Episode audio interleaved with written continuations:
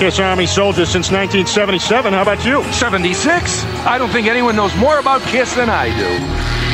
No, actually, I'm a farmer. I'm not sure I like the tone of your voice. Well, throw down if that's what you want. Name Gene Simmons' special effects mentor. Amazo the Magician. What high school did Paul Stanley go to? New York High School of Music. Paul and Gene's band before Kiss. Wicked Lester. What year did Kiss appear on the Jim Neighbors Halloween special? Quick question. It was Paul Lind and it was 1975. Now recite the magazine ad that brought Peter Chris to Paul and Gene's attention. Drummer willing to do anything to make it. Rolling Stone, October 1972. It's simple. Rock and roll.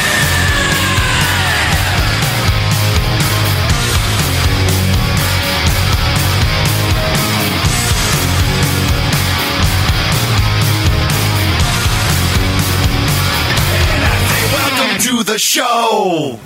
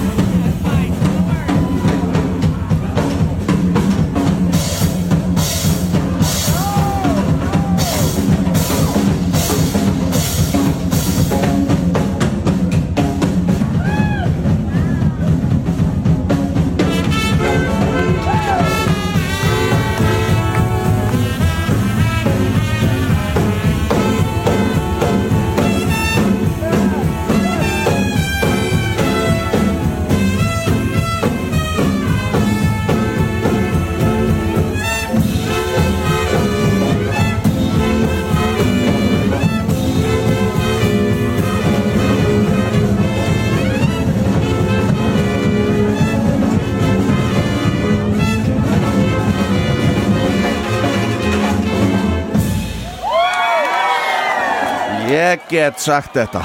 Peter Chris on the drums. Hæ? Helviti góður kallinn maður. Þetta var Píterinn Þetta var fyrir, svo neyir hann sig snirtilega Neyir hann sem minn Girt vel upp að brjóstum þessu auðvitað og já, já, já. bindið vel niður. Þetta er æðislegt.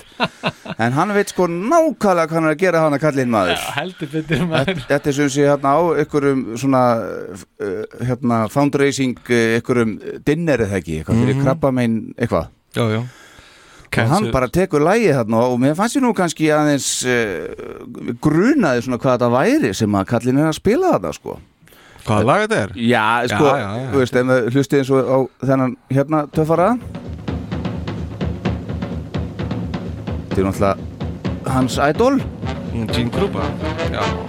Þetta er síðan hvað, 1937 eða eitthvað? Hlustum aðeins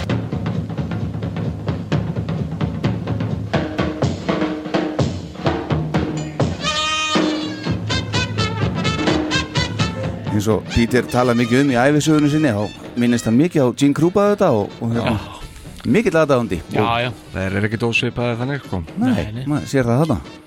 Það var nú líka alveg pínu svona kiss eitthvað Já, maður var sko. svona, var hann fara að detta í sólun hérna Já. að live 2 Það það var nefnilega það. Svona virka áhrifavaldar sko. Já, já. Nákvæmlega Þetta er dásanlegt Einmitt, ég var einmitt að hugsa þetta með, með, með God of Thunder og kemur bara. En ég held að ég sé bara að horfa, horfa á þetta Peter Criss vídeo þarna bara sko miljónsinnur Já, Já, þetta er ókýrslega gaman hérna, að sjá þetta. Já. Þú veist, horfa á þetta og hlusta í leiðinni, þetta er eiginlega nöðslegt Hann er að verða áttræða kallinn sko. Já, já, Nánast. Einmitt. þetta er, þetta, þetta er geggjað. Heldur betur maður. Herðu, velkomnir í fjörðin Já, takk fyrir, takk fyrir Takk fyrir, takk fyrir, takk fyrir. Það er bara hérna uh, Þetta flýgur áfram. Já, já, fjörðurinn. Nei, þessi, þessi, þessi þáttagerð hér. Já, hún flýgur áfram. Já, já, við erum búin að hvað, hvað er hvað, Þetta er þriðið þátturinn í nýju þátturöðinni Já, Já, það er bara fínt. Já, já. Það verður nú einhver, einhverjum árum verður nú væntalega skeitt saman þegar fram í sækir. Jú, jú. Já. En þetta er helviti þétt þarna sko. Já, þetta Þetta er er þetta er þetta Já, Hérna er þetta alltaf gerast. Já, Og við erum vel undirbúinir í dag. Ég held betur. Heldur betur maður. Þetta verður- nægan tíma, Já, já, þetta verður örgulega fimm tíma þáttur. Öruglega Já, ég hugsa það Herðu ekki að kynna okkur bara strákar. Við heldum engan tíma að missa. Nei, ekki tími. Ég heiti Alli Hergersson Yes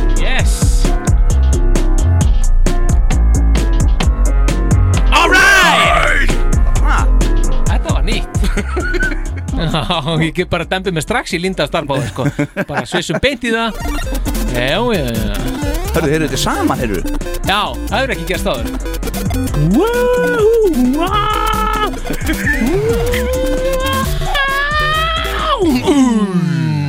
Þetta var svolítið flott sko. Þetta var ágætt. Þetta var getið beiti krakka mínir. Já, já, já. Heiðar Aðaldal Jónsson. Yes! Og hann veifar til tegnana Ekkert nýtt í þessu. Ekkert nýtt í þessu. Nei, nei, nei, hann veifar bara. Og líðurinn veifar á móti. Já, já. Herðu, já, já, við erum hér í bóði Böttasir Búdvar og teknísku þjórun svo leggur sér aldrei gleyma því. Og og Reykjavík og Reykjafells EHF og aldrei gleyma því heldur. Rockinu og Já, Og serinni og- Með slepp ekkert krítinu svona bara Nei, nei, Nei, nei, Sí svona sko. Ekki síð svona. Þetta er alltaf sínu stað. Ekki nóg að gera rafstöðunum? Já, heldur betur. Akkurat Hún að bera margar í dag kannski. Nei, ekki í dag reyndar en Nei. þetta svo- En Kannski á morgun. Kemur í svona bylgjum Þetta kemur í bylg Já, já, já, Já, já. Svona rafbylgjum Kachi Gatsi Þessi var þetta alveg angið Herðu, það er hérna með svartabelti í pappatjóki, ekki gleyma því. Nei, Já, reyndar. En hérna skal ég ykkur segja, svo eru breytt plön. Ég sagði ykkur síðast ég verið að fara til Prag.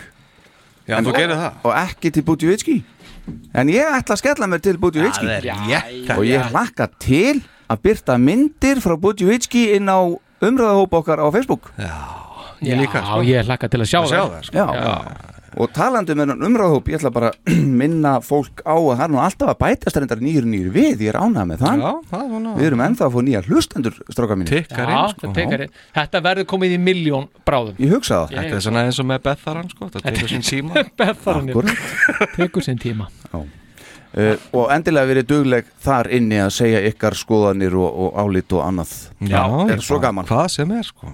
Já Herðu Pildar, Já. Yes, uh, við spiluðum hérna síðast var það ekki, þá tókum við hans fyrir hérna ásinn, hann spilaði hvað, heilt lag nánast? Já, Í- í vitleysu- tóntugum Já, einmitt. já. Já, það var skemmtilegt. Já, einmitt, já. Er hann var að spila Detroit. Akkurat. Já, hitt ekki alveg á það. Nei. og núna langar mig að hérna, þið er nú öruglega búin að öruglega búin að sjá þetta. En þetta er á tónleikum núna þegar að eh, já, þetta var reyndar, þessi tónleikar eru búin að búið að halda og þegar við tókum upp síðast en hérna við langar bara að spila þetta núna hérna er hann búin að gleyma hver hann er held ég I, I think we're to try one more song. If I collapse halfway through the song, don't get excited. I'll live.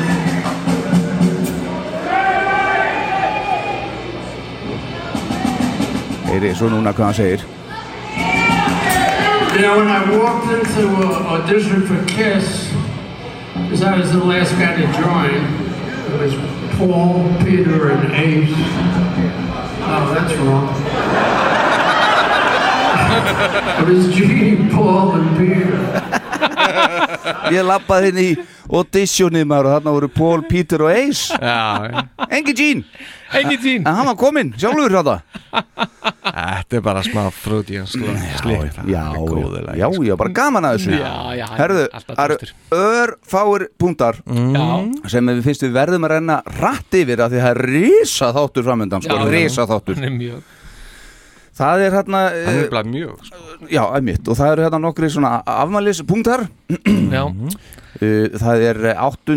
september uh, 1980 Out of Control mm. með Peter Criss já, já, já kemur út 43 ára á dögunum Einmitt 10. september 2003 Mm. Kiss Symphony. DVD Já, The DVD Já, fyr- fyrir 20 ár já það, er, það er ótrúlegt að vita til þess Það er ótrúlegt og þetta er. Tommy hefur verið að frumsýnan Já, Já, nákvæmlega og uh, 13. september 84 fórseti mm. Animalize Animalize Já, sko. Já, 35 ár Yndislegt. Það var rosalegt 15. september uh, 2009 þá sendir ásinn frá sér uh, plötuna Anomaly já. mm. Og svo 18. september Já, stráka mínir, risadagur. Já, já, Heldur betur. líkit upp 40 ára Já, og 78 sólós 45 ára.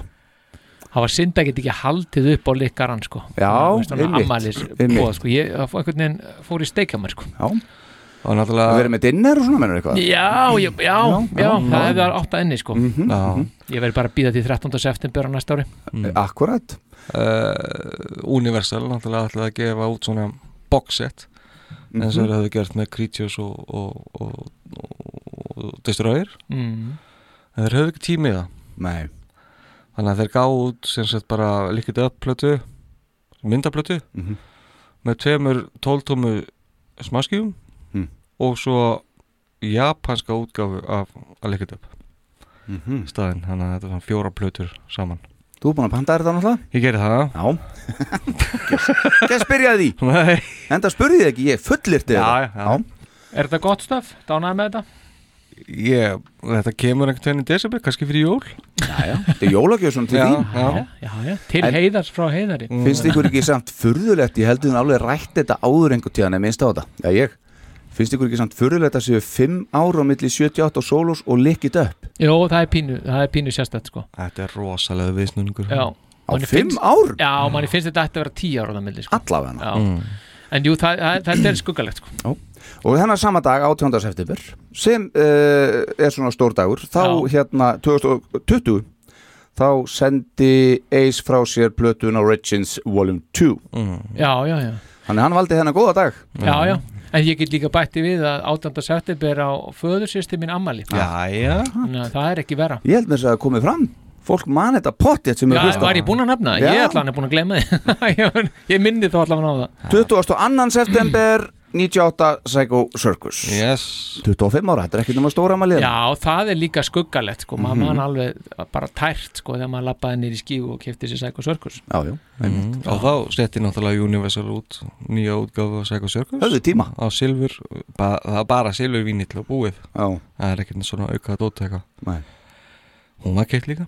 Já, já, Nú, það er, bara, er þetta bara stóringöp þetta er pínu þannig sko já, já. að maður uh, lætur líða svona svolítið langt á milli sko. Þá sapnast í baukinn á mig já, segðu þið, segðu þið Gott. Herðu bi, bi, bi, og svo hérna eitt loka punktur það er nú ekki meira sem ég er með það er bara, Nei, ég ákvað bara hafa ekki meira. Nei, nei, en það er ekki tími til þess. Uh, einhver staðar sá ég eða heyrði eða eitthvað á netinu eitthvað þess efnis að við ætla að þetta því að við hýrt eitthvað að því að að ég var að reyna að finna þetta aftur til þess að hafa þetta henni í punktunum mm. þá bara fann ég þetta ekki. Nú, hafið þið eitthvað séð eða heyrt um það að Píterinn sé að taka upp plötu Nei, ekki Eh, Píterinn uh, já, hann var hérna, Ég hef ekki Ég hann var viðtal við einhvern gaur Akkurat. á einhverju konvensjoni og hann Já. sagðist hafa verið að hjálpa Pétri að taka upp plötu Já, hún var, var í langt komin sko. akkurat, Já. þetta er bara ná þú er lesið þetta á sama stað Já, Það er líklega. eitthvað kiss í það á Facebook eitthvað djöful líklega sko. Já. Ég er á nokkrum, þannig að ég var að finna þetta aftur ég bara fann þetta ekki Nei. Þannig að þetta er svolítið sérstakt mm, en svo sem hefur maður heyrt það hansi lengi sko. Og maður alltaf býður ekki ofvæni sko. Jú, jú. Nei, Jú, ég, þetta náttúrulega. verið eitthvað Gene Krupa stöf maður. Já, hann sé með nokkuð svona metalgöri með sér sko, sem að hann þetta getur verið þessi rockplata sem hann var búin að lofa. Já, ok. Hvenær? er búin að vera að lofa í 15 ár. Ha, Aldrei of seint. 15 ára, já. Aldrei of seint. Eftir að hann gaf út va- sn- snildarverkið þarna 2007 eða? Já, Já. Það er þess að þegar hann að rétta skútuna. Já, réttlega það helvíti. Kólefnis jafna þetta. Já, það veitir ekki af en nóg um það. Hörðu, já, já, pilda mínir, við ætlum að henda okkur í eh, árið 1976 Búm! Búm og þetta er alveg risastórt ár í uh, þessari frábæru sögu að mér finnst þegar maður fyrir gegnum þetta og setur allt í samingi já, já þetta, er, þetta, er, þetta er merkilegt. Mm skemmtilegt. Og ég, sko, fyrir mína parta yes. eins og ég var að nefna við okkur en áður um Vítmarek Já, þá er þetta árið sem að sko Píterinn á þetta ár finnst mér. Hann er sterkur. Já, eins og fórsetin benti þá á hann er náttúrulega eins eldri en þeir og hann er að toppa þarna. Ég er með þá kenningu líka að Betharinn var náttúrulega ekki það kemur þarna en e, svona verður ekki neitt alveg strax Nei, þannig að hann er ekki orðinn fullur af sjálfun sér einhvern veginn mm. og er bara ofbóðslega leggur mikið traust á að vera í þessu bandi mm. og standa sér vel þar og almáttuður hvað hann gerir það Já, ég meina Gæn er náttúrulega búin að vera hann er elstur búin að vera að brölda í þessu náttúrulega tölvert lengi að reyna að koma sér á framfæri gengi nú svona og svona þannig er hann náttúrulega að hitta bara á, á, á haftarætsvinningin Mm. þannig að hann auðvitað grípur gæsina. Báðar að setja sko. Já, báðar í runni sko og allar þrjár jafnvel.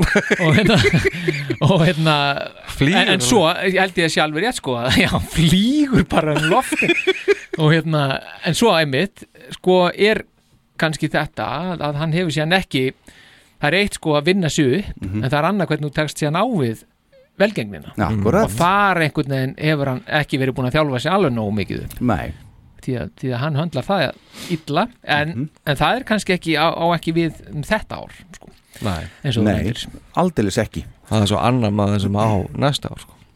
Já, já, og ég, já, já akkurat. Ég er sammála því. Já, já. Og ég held að við veitum allir um hvað við erum að tala um hér að við öll uh, ég held að við ættum að fara í, í uh, stórasta stef í heimi. Já, á, árum við dettum í þetta Já, bara eitt, tveir. En það er eitt sem ég langar að segja líka. Mhm. eftir stórasta stefi heimi þá ætlum við að fara lóðbeint í eitt lag sem er tekið á tónleikum. Frá þessu ári 1976 Ó, það er til þess að gefa hlustendum tónin um það hvað við erum að fara að gera í dag. Við erum ekki að fara að hlusta á mikið á heilu lögum í dag það er svo mikið efni en ég reynlega, ég er með takkavöldin. Ég ætla að krefjast þess að þetta lag Þú átt bílskurinn líka. Ég álíka bílskurinn Já, alltaf rafmagn átt rafmagnar og, og hérna, ég ætla bara að krefjast þess að eftir stórasta stefi í heimi þá förum við og, og hlustum förum ekkert, við ætlum bara að setjum á og hlustum á þetta dásanlega lag. Já. nánar en það Hvað er eftir þetta, 15 mínútna útgáfa af nei, nei, nei, 100.000 years nei, þetta er ekki það lag. Nei, ok. því miður. Það var svo rosalega eitthvað svona viðvörun sem að þetta er látið nei, nei, nei. Ég er alveg spenntur alltaf Já, ég líka Akkurat. rennum okkur í þetta Kiss Army Iceland podcast.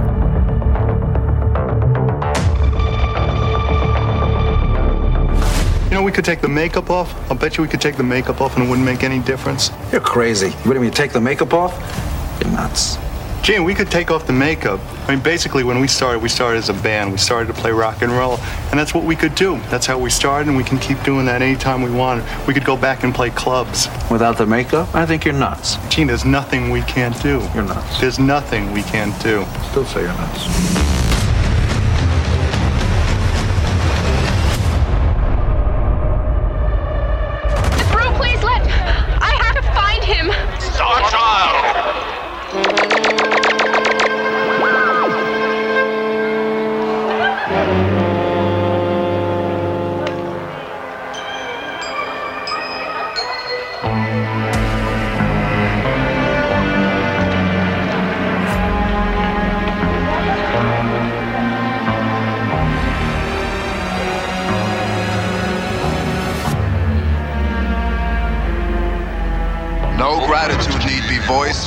Your mind speaks to us. You're looking for someone, but it's not Kiss. Yes. My fiance Sam, he was taking pictures of you. There are dozens of photographers out there. How could anyone ever. He was here. This is ridiculous. Sam's still in the park.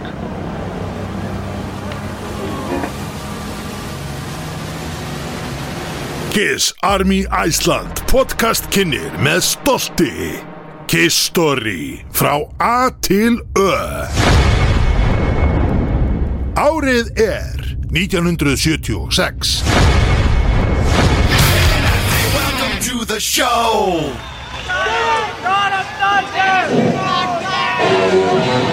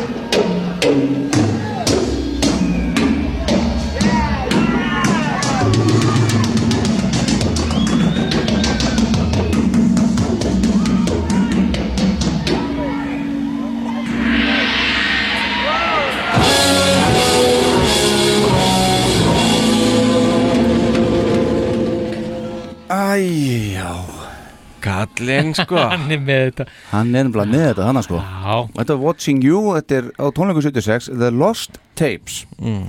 Man ekki alveg nákvæmlega, ég held ég sé meðvegstar í skjálun okkur góða hvar nákvæmlega The Lost Þetta- Tapes var filmað? Þetta er í, þetta er í hérna Roosevelt Stadium. Þetta er þar? Já, já.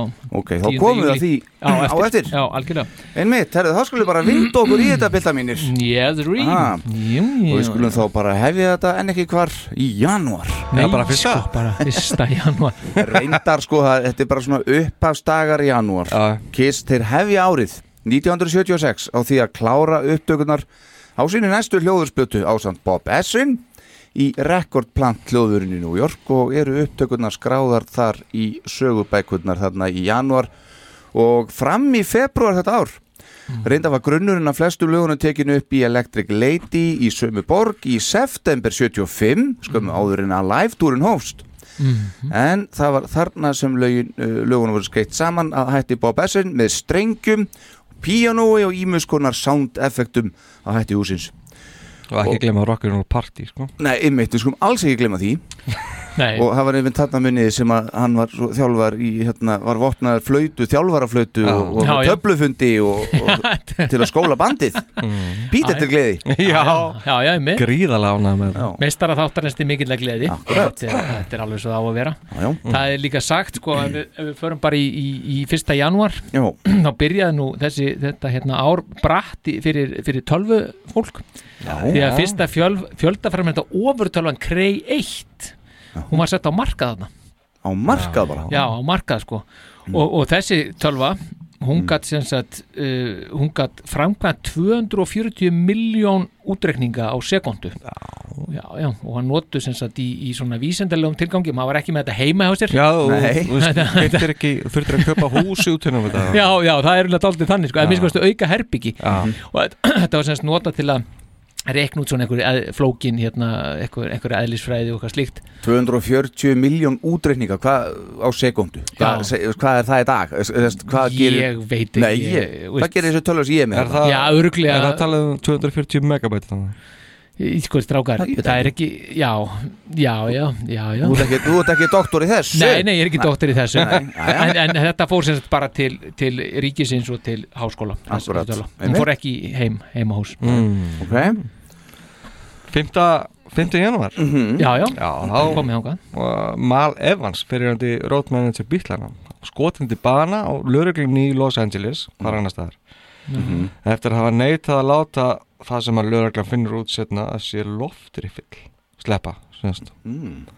já, já, að það var bara best að bomba kallið niður já, já. Já, þetta er ekki byrja glæsilega En hann var ekki, hann var ekki road manager bítlana akkurat þegar þetta eða? ekki- nei, eru reyndi, já. Já, Kall ángin Já, það mikið kallið sko. Bob Dylan Já. gefur út sína 17. plötu 17. sko Desire já, Það veit ekkert um hana Nei, nei. En aldrei á mikið að Bob Dylan. Segja heldur- einhverjir. Heldur Segja aldrei á lítið sko. Mhm. Peter Frampton. Já, Það gefur út sína vinsælustu og frægustu plötu og gerir hann að stjórnstjórnu allan í bandarækjunum Frampton Comes Alive já, já, er þetta ekki, fórum við ekki yfir það í einhverjum live þættinum okkar, er þetta ekki einn mest selda live plata allra tíma? Akkurat, sko, Já. það er magna Nei, mitt hann bara pikkar upp aðna alive Ég hef ekki heyrt eitt lag á sér plötu eða eitt lag með honum, að ég held sko. Nei, já, já.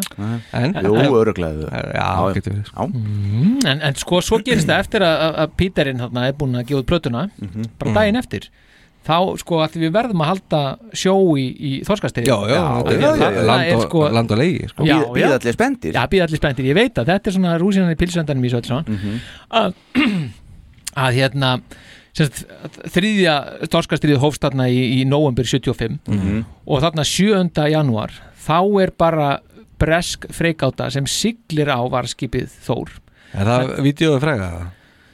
Eða það fyrir kannski Já, Já, ég ekki sjáum alveg, til. alveg, já, já, við Mm. getum googlað það setna en það er allan að verða til þess að það kemur svona bara heil sjö metra rifa í bóg varskipsins okkar. Ei, bóin Já, hvað Bóginn, hva, sko. hva er það? Bóg Bóin, það er það væntarlega í, í skrokkin, sko, skip, skrokkin Já, er þetta þá ekki vinnbændi fræga? Já, það getur ég, Það það, lítur þannig út Já, sko. það hefur ok. verið gaman að sína Með að það við í þættinum lýsingar sko Já, Já. þeim að sína það Þeir eru komin í sjónvarp Já um, breska ríkistjórnin hún eins og að gera það eftir þetta að, að hún, hún, hún segir sendiherra sínum hérna á Íslandi að mótmæla ára svarskipsins á freikátunum þannig að það var mjög viðhand í hjáni þannig að sko þannig er bara komið eitthvað eitthva í gang. Þannig að næstu daga og næstu vikur er bara gríðarlega mikil harka einn út á miðunum. Það er að vera að sigla á og klippa af, af, af, af miklu mót sko. og daginn eftir 8. 8. hérna janúar þá krefjast íslensk yfirvöld þess að NATO sagt, að, að, að þessi deila hún sé rætt innan NATO. Þannig að það menn eru alveg, er alveg sko það er full alvar í þessum allir, alveg, Allir brjálaðir? allir brjálaðir. Og, og hérna já, Nei. Þetta, þetta verður bara að vera. Þetta er 84 já, já, hvað, ég menna þetta er partur af þáttunum.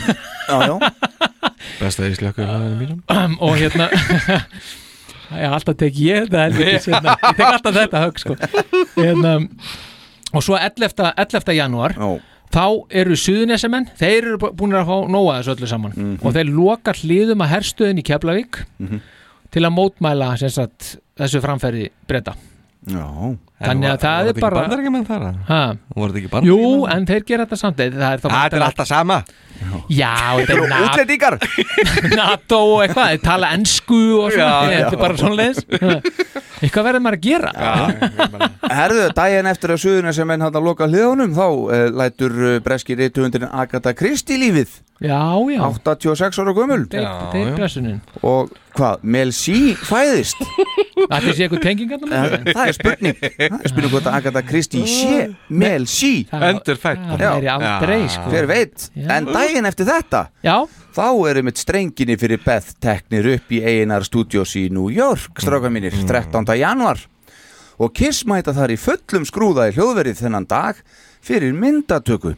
Já. og ég mani þegar maður sá þessar myndir hérna áður fyrir skoðum á yngri Mhm. þá held maður bara að Kiss væri svona í stúdíun Já, Já, já, bara, bara alltaf svona Það hefur verið metnað Já, heldur. En það er ekki svo ég ætla bara ríkja ykkur með því. Nei, já. Bara eins og á, á en mest sko. Já, já. Það var ekki Já, já, bara allt, alltaf svoleiðis. Já. en, en meðan þeir eru að gera þetta eða fyrir eða eftir, ég veit ekki alveg nákvæmlega tímasetninguna svona upp á hár en þá er nefnilega verður þessi frægi jarðskjaldi á kópaskeri þess að þeir hristir alveg eh, hérna land og, og sjó bara hressilega, það er 3,6 á ríktir. Það er nú bara býstna mikið Hérna hafi verið hérna, 6,5 Sa- Hvað sagði ég? 3,6 Já Þetta var vel gert Já. 6,3 Já, ég reyndar held að það er 6,5 en Já, hvað það, veit ég? það er rock, það er svona er ekki alveg Já, ok. það er alveg meira en það er ekki 3,6 Nei, er ég vissi það en það er svona bílunu 3 6 6,3 Getið ég klárað þetta? Það þurftir alltaf ekki að hrista Martíni Nei. Það þurfti ekki að rista Martíni Nei, nei, nei, En hristir þetta það sjálfur sér. Já, Já. þetta er svolítið svona þetta, og fólki var, var ekki sama og, og, og það voru skemmtir og mannvirkjum og fleira, Já, þetta var já. talsvert bara Já, já. dæmi Öllum húsunum sko. Já Akkurat Heyriði, svo svo heldur þetta nefnilega áfram svo á nefnilega sko í háskóla bíó 17. janúar þá er eitthvað sem að lista skáldin vondu þau stíga á stokk þar Já og þau eru semst uh, að, að lesa og syngja ljóð og prósa við eigin undirleik og það, þetta er sem sagt og, og hvað? og prósa og ég ætla að halda áfram áður en ég verð spurður úti meir út í þetta hérna, ég er spurður út í hvert einasta atrið hérna, þú veist, Ég hef aldrei hert þetta á hann að prósa.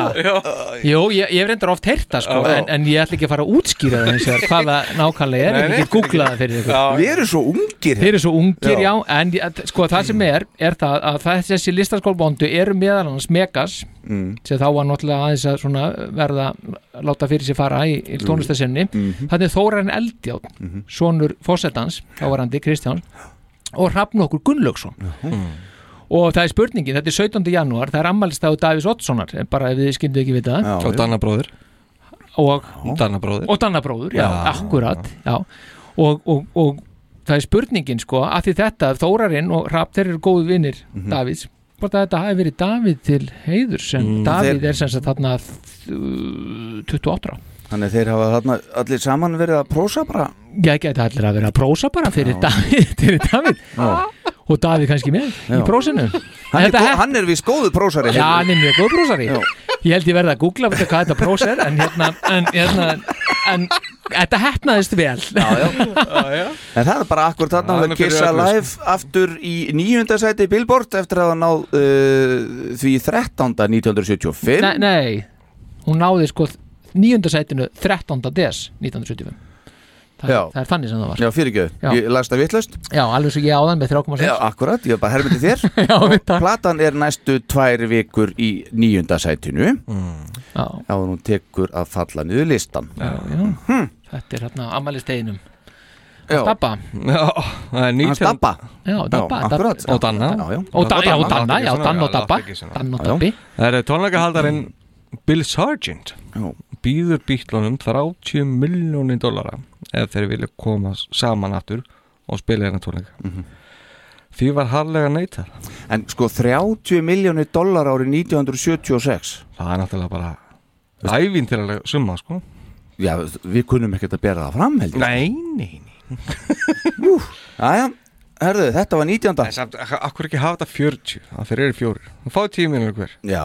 Nei, það verður að 30 Já 20. januar, Paul Stanley fagnar sínu 24. afmæli Já ha, og sama dag þá hlýtur tónskáldið nafni minn Alli Heimi Sveinsson tónlistavelu Norrlandaráðs fyrstur íslýtinga Já Já, það er vel gert Já, Já. mjög vel gert Já, en- Afmælistæðinars Pól En vitið þið hvernig Alli Heimir vitið þið hvernig hann tengist í rauninni þessu podcasti?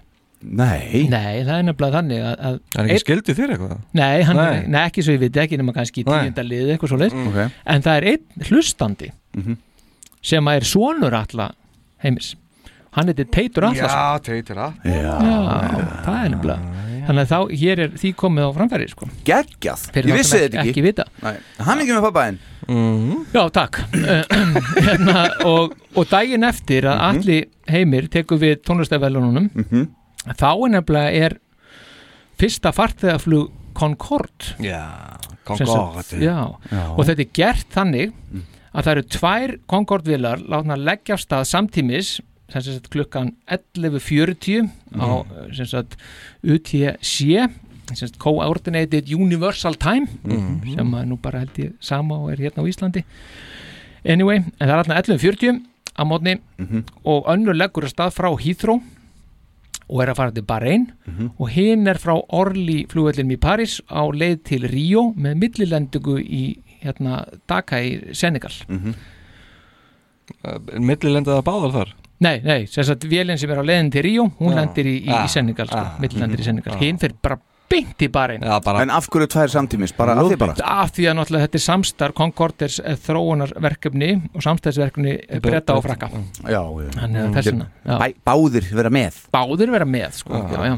Akkurat. Þannig þetta er cool Áfram í spæsku, svo þann sé. ég Hvað, býtu hvað með spæskól? Emma Bunton fæðist Emma Bunton? Er hún ekki spæskól, segða? Jú Ég veit Fósittir laumaði hver, sér í hver skrifaði þetta? Hann er, hann er svona laumu Sett hann, settur þetta í Settur Ég held að það myndi, myndi bara að lesa Nei, ég var bara, hver djöfnir er þetta sem þér þarna komin inn? Sér er þetta Ron Bergetti bara Ef þetta- þetta er þetta, þá lest þetta. I'm Nei, Robert það ger ég ekki. Já. Ef þú bara setur eitt spurningamerki. Já, akkurat já. Það er fór þessast tvær á sama tíma. Já, En hérna 23. januar Alive túrin, hann hefst á ný eftir frí. En síðustu tónleikarnir fyrir þetta var einmitt á gamláskvöld þarna 75, þú voru svolítið inni við það að spila á gamláskvöldi sem við farið yfir á þessum tíma. Gaman að gera það. Og það er spilað í uh, smáborginni Erie í Já. Pennsylvania USA Já, þetta er, þetta er, þetta er það er alltaf fljúandi fullt aftur Við Lake Erie náttúrulega. Já, já, já Já. Það er David Bowie gefur út uh, Station to Station Sama dag? Mhm. Já, tíunda platan sem hann gefur út Já. og þetta er síðasta platan sem hann gefur út áður en hann fluttist til Berlínar. Mm. og hann sagði það til þess að flýja þetta syndabæli sem að LA er og var. Já, mm. hann sagðist ekki að hafa munað eftir þessum upptökunum einu sinni.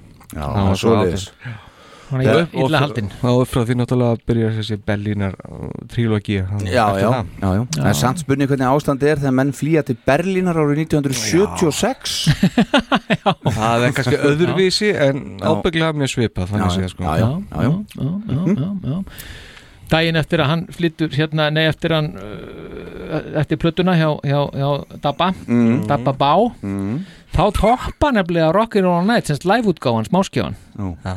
á Billboard 100 í 12. sætinu Það er helviti gott eftir, eftir að hafa komið fyrst inn hérna í miðjan nóvambir 75 og, og þetta er svona uh, trompart aldrei sko smáskífuna sem var af stúdíó út- hérna, sem náði bara 68. sæti Mm, slíkt já, já, já. Mm, þarna mitt ár 75 þannig að það er eitthvað að gera, það er eitthvað að frétta úr kissbúðum sko. Já. Aldeilis og, og talandum að segja frétta þar 25. og 27. þá koma þeir okkar menn þeir koma fram í Kópahól Já. hinnum viðfraga Já, glæsilegt og það er enda ekki langt tanga til að verða í Detroit þó ekki Kópahól auðvitað, hún er ekki til en það er bara er ekki fyrstu tónleikarnir í Ameríku núna eftir, þeir voru að lenda bara í Ástralíu? Já, bara í nótt eða eitthvað. Melbourne, já, já. Svo fara það til uh, Dubai. Svo fara það til Bandarækjana ekki satt? Jú, jú. Og þá eru fyrstu tónleikarna held ég í Detroit. Já. Já, það er svolítið spara Já, og þarna fá þeir á kvöldi 2, 27. januar, þá fá okkar menn uh, aðfenda gullplötu fyrir Alive. Já, það er glæsilegt. Við, uh, hátilega aðtöfni upp á sviði. Já, erum við ekki erum, erum við ekki með eitthvað að klippa því eða eitthvað? And now they've sold a million records.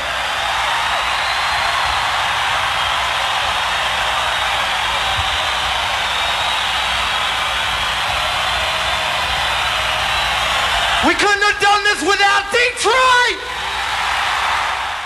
Hanna? Á, ég elska þetta Þetta er- Ég er elska plat- þetta er platinum sala Platinum Var þetta platinum? Þetta er platinum, já, já, þetta er platinum. Flott. Já. 27.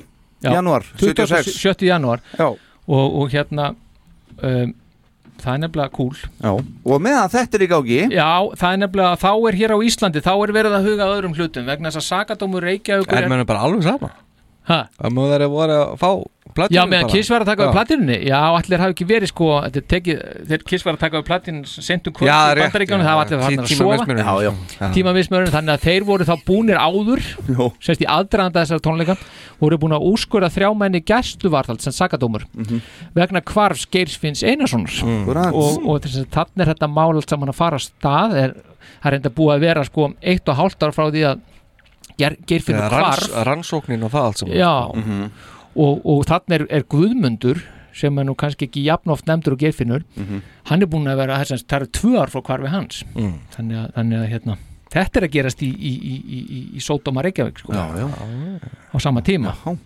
Og svo daginn eftir það, þá eru einmitt þriðju tónleikarnir hann í Kópahól fyrir ekki, þau tóku þrenna, ekki tvenna Mhm. og þar er uh, tekið upp þetta fræga trommusólo í 100.000 Years Mm. sem við höfum svo oft hort á allir kissa þetta Mhm, algjörlega. það sem að Peterinn er með fleinshýrin alveg í botnið þarna sko. Það er svo fallegt það er tekið þetta Já, en það, mér finnst þetta bara svo eitthvað svo geggja þarna. Mhm. og veist að þeir eru að fá sko Rock'n'Roll Night er að toppa. Þeir eru að fá platínu og taka þrjúkvöldi í, í, í, í, í Mm. Bara þetta er allt bara í einum pakka. Þetta er, þetta er, á, þetta er semst, á fjórum dugum þá er, þetta, þá er þetta að gerast. Já. mér, mér finnst þetta æðislegt sko. Þetta er það. Já, já, það er það um, í, í tónhorni vísis 2008 Það er Íslandshorn. já, kemur Íslandshorni núna stertin Mhm. um, þá eru byrtar vinsaldakostningar tónlistarlífsins á, á, á Íslandi Mhm. og þar er sem sagt sumari á Sílandi með, með stuðmönnum, það er valin plata ársins Mhm. 75, Já. Gunnar Þórðarsson lendir síðan í, í öðru seti með samnenda plötu Kallinn já, já, hann fekk hérna listamanna launin hérna, jú. hérna í februar 75 og Pétur Kristjánsson hann er valin popstjarnar ársins hann var þá söngvar í hljónsveitinni Paradís sem var Mhm. valin vinsælasta hljónsveitin hún, Já. hún var þess að verið stopnuð hérna 1975 mitt Já. ár Já. eftir að hann var rekin úr Pelikan akkurat sko og, og, og, og þessi Paradís hafði þá á þessum tíðanbúndi bara gefið út eina smáskífu sko. já, já. en þeir voru gríðarlega bara eitthvað aðnáðu greinilega vel, í- Mhm. fór vel honni í landan Já. vel, vel mannað Það, sko, þetta snerist nú ekki alltaf um að á þessu tíma allan hér á landi að gefa eitthvað mikið út Nei. sko. þess að Nei. við komum aðeins inn á því inn á það líka hérna, síðar á ásu ári Já, já. Hvernig, hvernig það gall allt saman verið sko. Já, þetta er aðalega bara að spila sko. Ha. aðalega bara að spila og svo bara Í- voru, Þetta snerist mikið við þann Já, já, það virðist vera, sko. Já, og svo þetta loki janúar fórseti Já, Journey Já. gefur út sína öðru, að, aðra plötu Mhm. Look into the future Já. Ég hef ekki mikið löst á hana. Nei. Þetta er kannski ekki alveg í mínum svona uh, ring til að hlusta á. Nei, Nei, ekki í metalringnum. Nei, uh, þetta gerist allavega Já, já. Já, Ég get- ekki neitt af því. Þú býður kennið það, þú býður kennið það. Alveg sem bara með Emmu Böndon hann á. Algjörlega. 1. februar 1976 Mm. Kiss Army logoið verður til. Já. að fyrirskipan Billa Coyne. Gækja Hann vildi fá eitthvað tákt fyrir klúbin sem síndi samt, síndi samt að þetta væri eitthvað svona miklu meira heldur en bara klúbur eða aðdóndaklúbur, þetta væri her Mm. Army. Önnurinn eh, var Vincent Di Garlando. Já, já. og hann starfaði þá sem art director hjá Howard Marks auðlýsingastofunni Og þetta er að gerast bara hérna fyrsta februar Fyrsta februar, Já, já. þá verður þetta logo til og hann var einmitt spurður að því svo í viðtali. Áttur við von, yfir löngu síðar. Já. áttur við von að því að því að sko þetta logo er bara jafn ikonik og Kiss logoði Já, já, algjörlega. áttur við von að þetta logo myndi lifa svona, hann sagði nei það ég held þetta er þið kannski á einni tveim plötum Mm. einhverju brefsefni og búið Já, já. þannig að hérna En hvernig finnst ykkur Kiss Army logoið, veist þetta, þetta, þetta logo sem við erum að tala um? bara mjög flott Já, já, Mm. já. það er bara ótrúlega vel hefnað og það gefur vissulega til kynna um að hér sé hér Já, Já, já, á ferð. Já, já, eitthvað meir en klúpur eins og Billa Coyne vildi. Já, já, Mm. akkurat, akkurat. En þetta? Armi orðið, orðið þegar eitthvað með það að segja svona. reyndar en samt sem aður er bara lögurinn á þessu og þetta virkar hérna á Þetta er alveg eins og sem er á einhverjum búningum Já, og svona. akkurat, akkurat, en sem sagt þennan sama dag Já. og Kiss Army logoðu sem við þekkjum öll svo vel Já. verður til Já. Verður Katrin Jakobsdóttir til? Já. Já, allt svo hún kemur í heimi? Já, svoleiðis hún kemur ekki undir Nei, nei, nei, nei, ég var með nýju mánuði fyrr? Já, það var hérna 75 já. En hérna Ágúst. Kata Jak, hún kemur í heiminn hérna sama dag og logoið góða. Magnað sko. Aja. Annan februar Aha. Leonard Skinner gefið út sína fjóru breyðskjöfu Já. Give me back my bullets. Mhm. Já. það er metal hringnum Það er það er hringnum? Já, maður svona veit af þessu sko. já, já, einmitt, já, já, einmitt. Já, þetta er ekki er ekki, það gengur alveg í Já, já, Góðum dögum allan. Já, já, kannski ekki allir katalógin sko. Nei, nei, nei, nei. Svo sem er svo gaman að finna þessa dagsinningu hérna. 3. februar, það var í Behind the Mask. Hljóðblöndun plötunar Destroyer líkur. Já. Já, já, þá er bara, þá er bara Kata bara að tekja það gömul sko. Spáði það? Já. Akkurat Hvort myndir segja hafi elst betur mixið í, í, í Destroyer eða, eða Kata? Bara voða svipað. Já. Æ, ég meina, það er búið að Mixið er ekki fullkomi, sko. Gefa út Destroyer aftur, þannig að Já, já, já, já, það er búið að gefa Destroyer aftur já. Það finnst þér að gera köttu aftur bara? Þannig að, þannig að það þurfti að bæta það. Mhm. Ok, tökum bara, förum bara hérna, tökum þessu umræðu bara út af borðinu og förum hérna, það var nefnilega til Austuríkis Já, förum til já, hvað já. gerist fjórða? Vitið þið það? Já. Já, reyndar Já, já, komið með það. Vetra olimpíuleikarnir í Innsbruck eru, þeir eru að hefjast þarna í Östuríki Fósettin vel lesin Já, já, hann er Já, er og viðlesin og, og stálminnugur líka. Já, um, Þetta eru leikar sem átt að vera semst, fyrst í Colorado í bandaríkjónum en, en það far allt í, í hund og kött þar því að því að fólkið í fylginni vildi ekki borga fyrir þetta Nei. hann eh, vildi ekki sá ekki enga tilgangi til að láta peningarnir sín í þetta hann er Innsbruck í Östuríki bauðist bara til að taka pakkan en það voru þeir í þjálfun að því að þeir eru nú haldið þarna uh, sambærilega olimpíuleika 64 Já. og voru semst í æfingu og það má geta þess Mhm. að, að, að, að, að hérna, listans á ég skrifa þetta ístans á skautum en það er listans á skautum sem að þarna riður sér til rúm sem keppniskrin Já. er það ekki eitthvað sem þið fylgist alltaf vel með? Jú, jú. Það var ekki setna að verna sko. Nei, ekki setna vætna sko. Ég var reyndar að horfa okkar heimildamitt á Netflix um einhverja stelpu sem að rústneska sem að var, já. Listansari. Já, einmitt. þetta er alveg með afbreyðan leðilt að horfa á þetta finnst mér sko.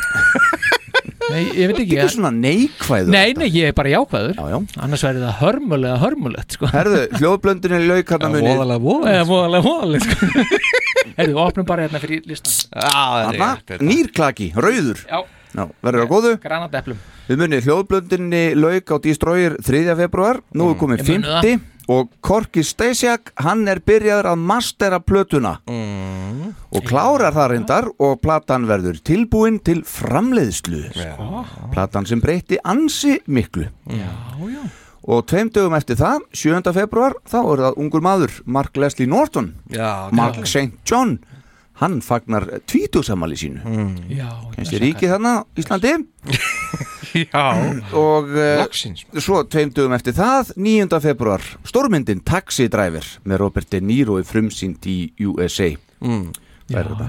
Algjör stórmynd fær uh, fjórar tilnefningar til Óskars vann nú ekki það í reyndar Nei, ég hef nú hort á þessu myndi Mér finnst þetta ekkert úalega skemmtilega svona Ertu að meina þetta? Já Vá, ok 12. februar Gene Simmons hann fullir í From Kiss. Akkurat, hann fullir í viðtali við Cleveland Sheen Magazine að tilbúðunum rigni yfir Kiss frá Evrópu mm. þar sem að allir vilja fá þá þangað. Júrópa er hann að banka þarna þeim. Og hann segir að þó að tilbúðin verða hækka hann segir þó að tilbúðin verða hækka nokkuð vel til að þetta verði gerlegt.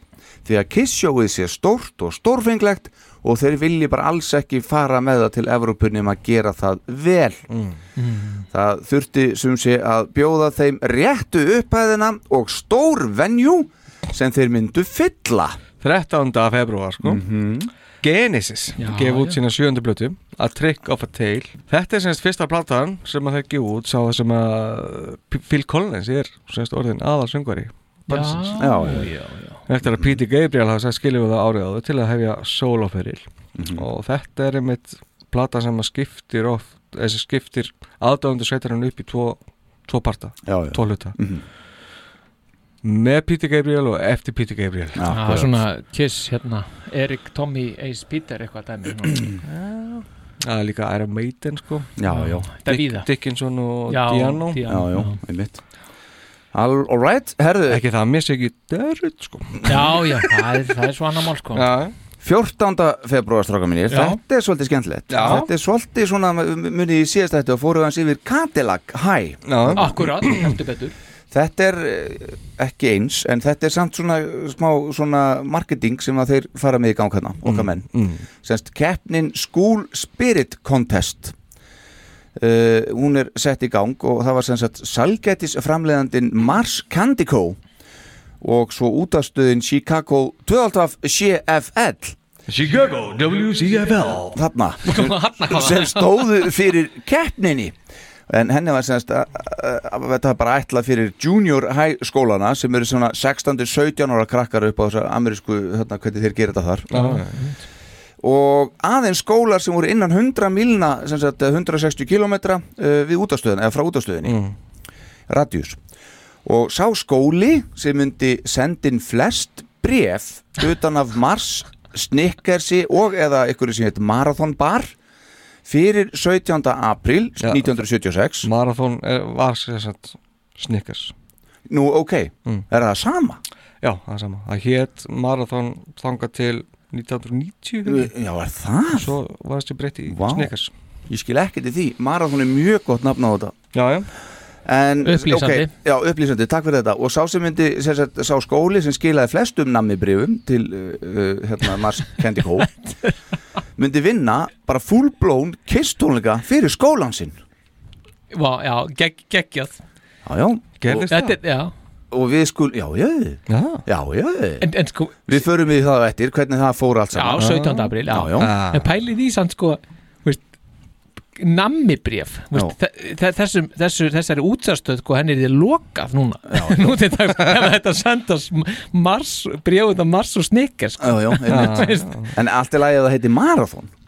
Já, það er annað. Já. ég, skil, ég skil ekki af hverju breyta ekki tilbaka Heyrðu, ég eftir þessa stórkostlegu hérna, stórkostlega kefni var sett í gang Mhm. School Spirit Contest. Þá er líða hann að einhverju þrý dagar og þá brestur bara hér á á klaganum Mhm. he- bara einhvern allserjar verkvall sko. 35.000 mann sem bara leggja niður störf.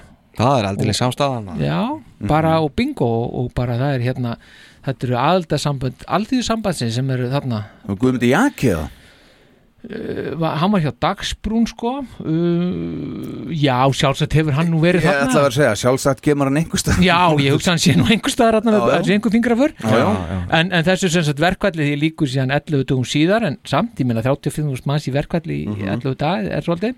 Já, já. svo noblega, teimur dugum setna um, þá bara slíta Íslendinga stjórnmálasambandi við breyta vegna þorskastriðsins þannig að, veist, ennþá herðist þetta Mm, og þetta er grjótart og við, erum að hafa í huga á meðan þetta er, þá erum menn að slást út á miðunum alveg bara blóðum slag sko. Mm, mm, Akkúrat. þannig að það er mikið að gerast.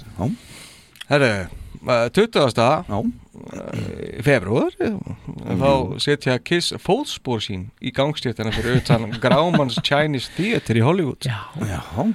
glæsilegt. Já, þá setja menn hérna einmitt, stígvilin bara í steipu Stígvélin í steipuna og mm. Og er, og er það enn? Er það enn. Já, já. Það heitir endur eitthvað annað þetta, þetta theatre í dag, maður ekki hvað heitir. Okay. Ko- Kodak. Já, Sennilega búið að breyta um nafn síðan þá, Óskarinn sko. Blockbuster eða eitthvað. Daginn eftir þetta þá gefa Bad Company út sína hvað þriðiplötu mm.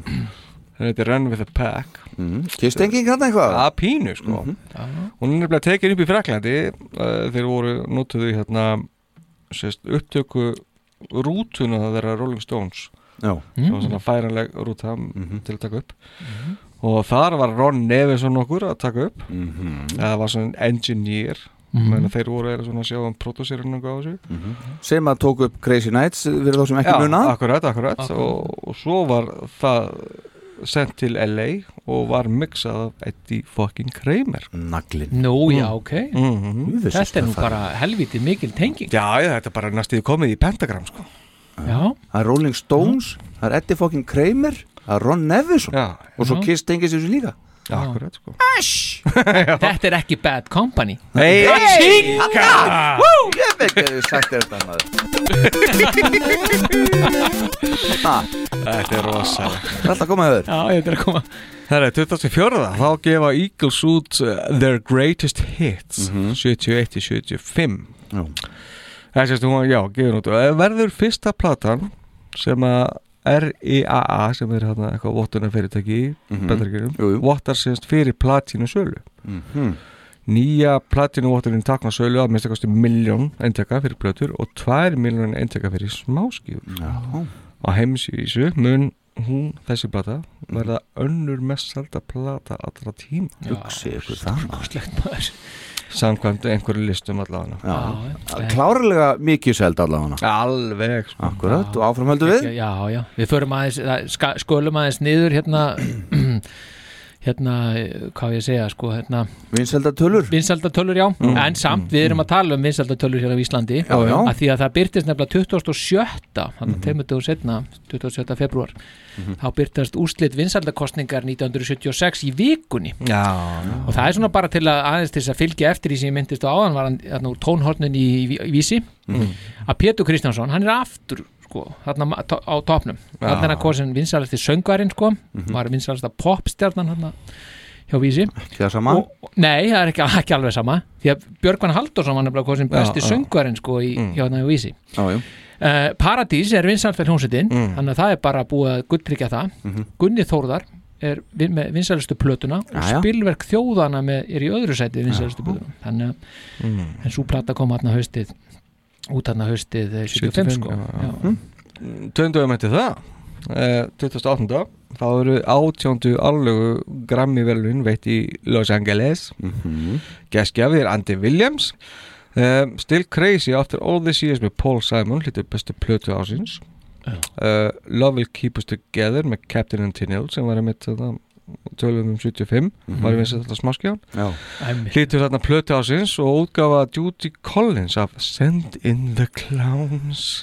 Já, þeir eru frægalagi Já, hlýtur, hlýtur lag ásins sem að var stórkastlegt hérna í flutningi Pétursins Já, þetta heyrði Þetta hann. Já. og var inspirerað Já, ég- heldur betur maður. Og Natalie Cole hlýtur besti nýji listamæðurinn Já Peter hefur hugsað þarna sko, ég ætla bara Gene Krupa er bara gamaldags. Já, Nú ætla ég bara að hlusta á Judy Collins. Já, já, þetta Send in the Clowns.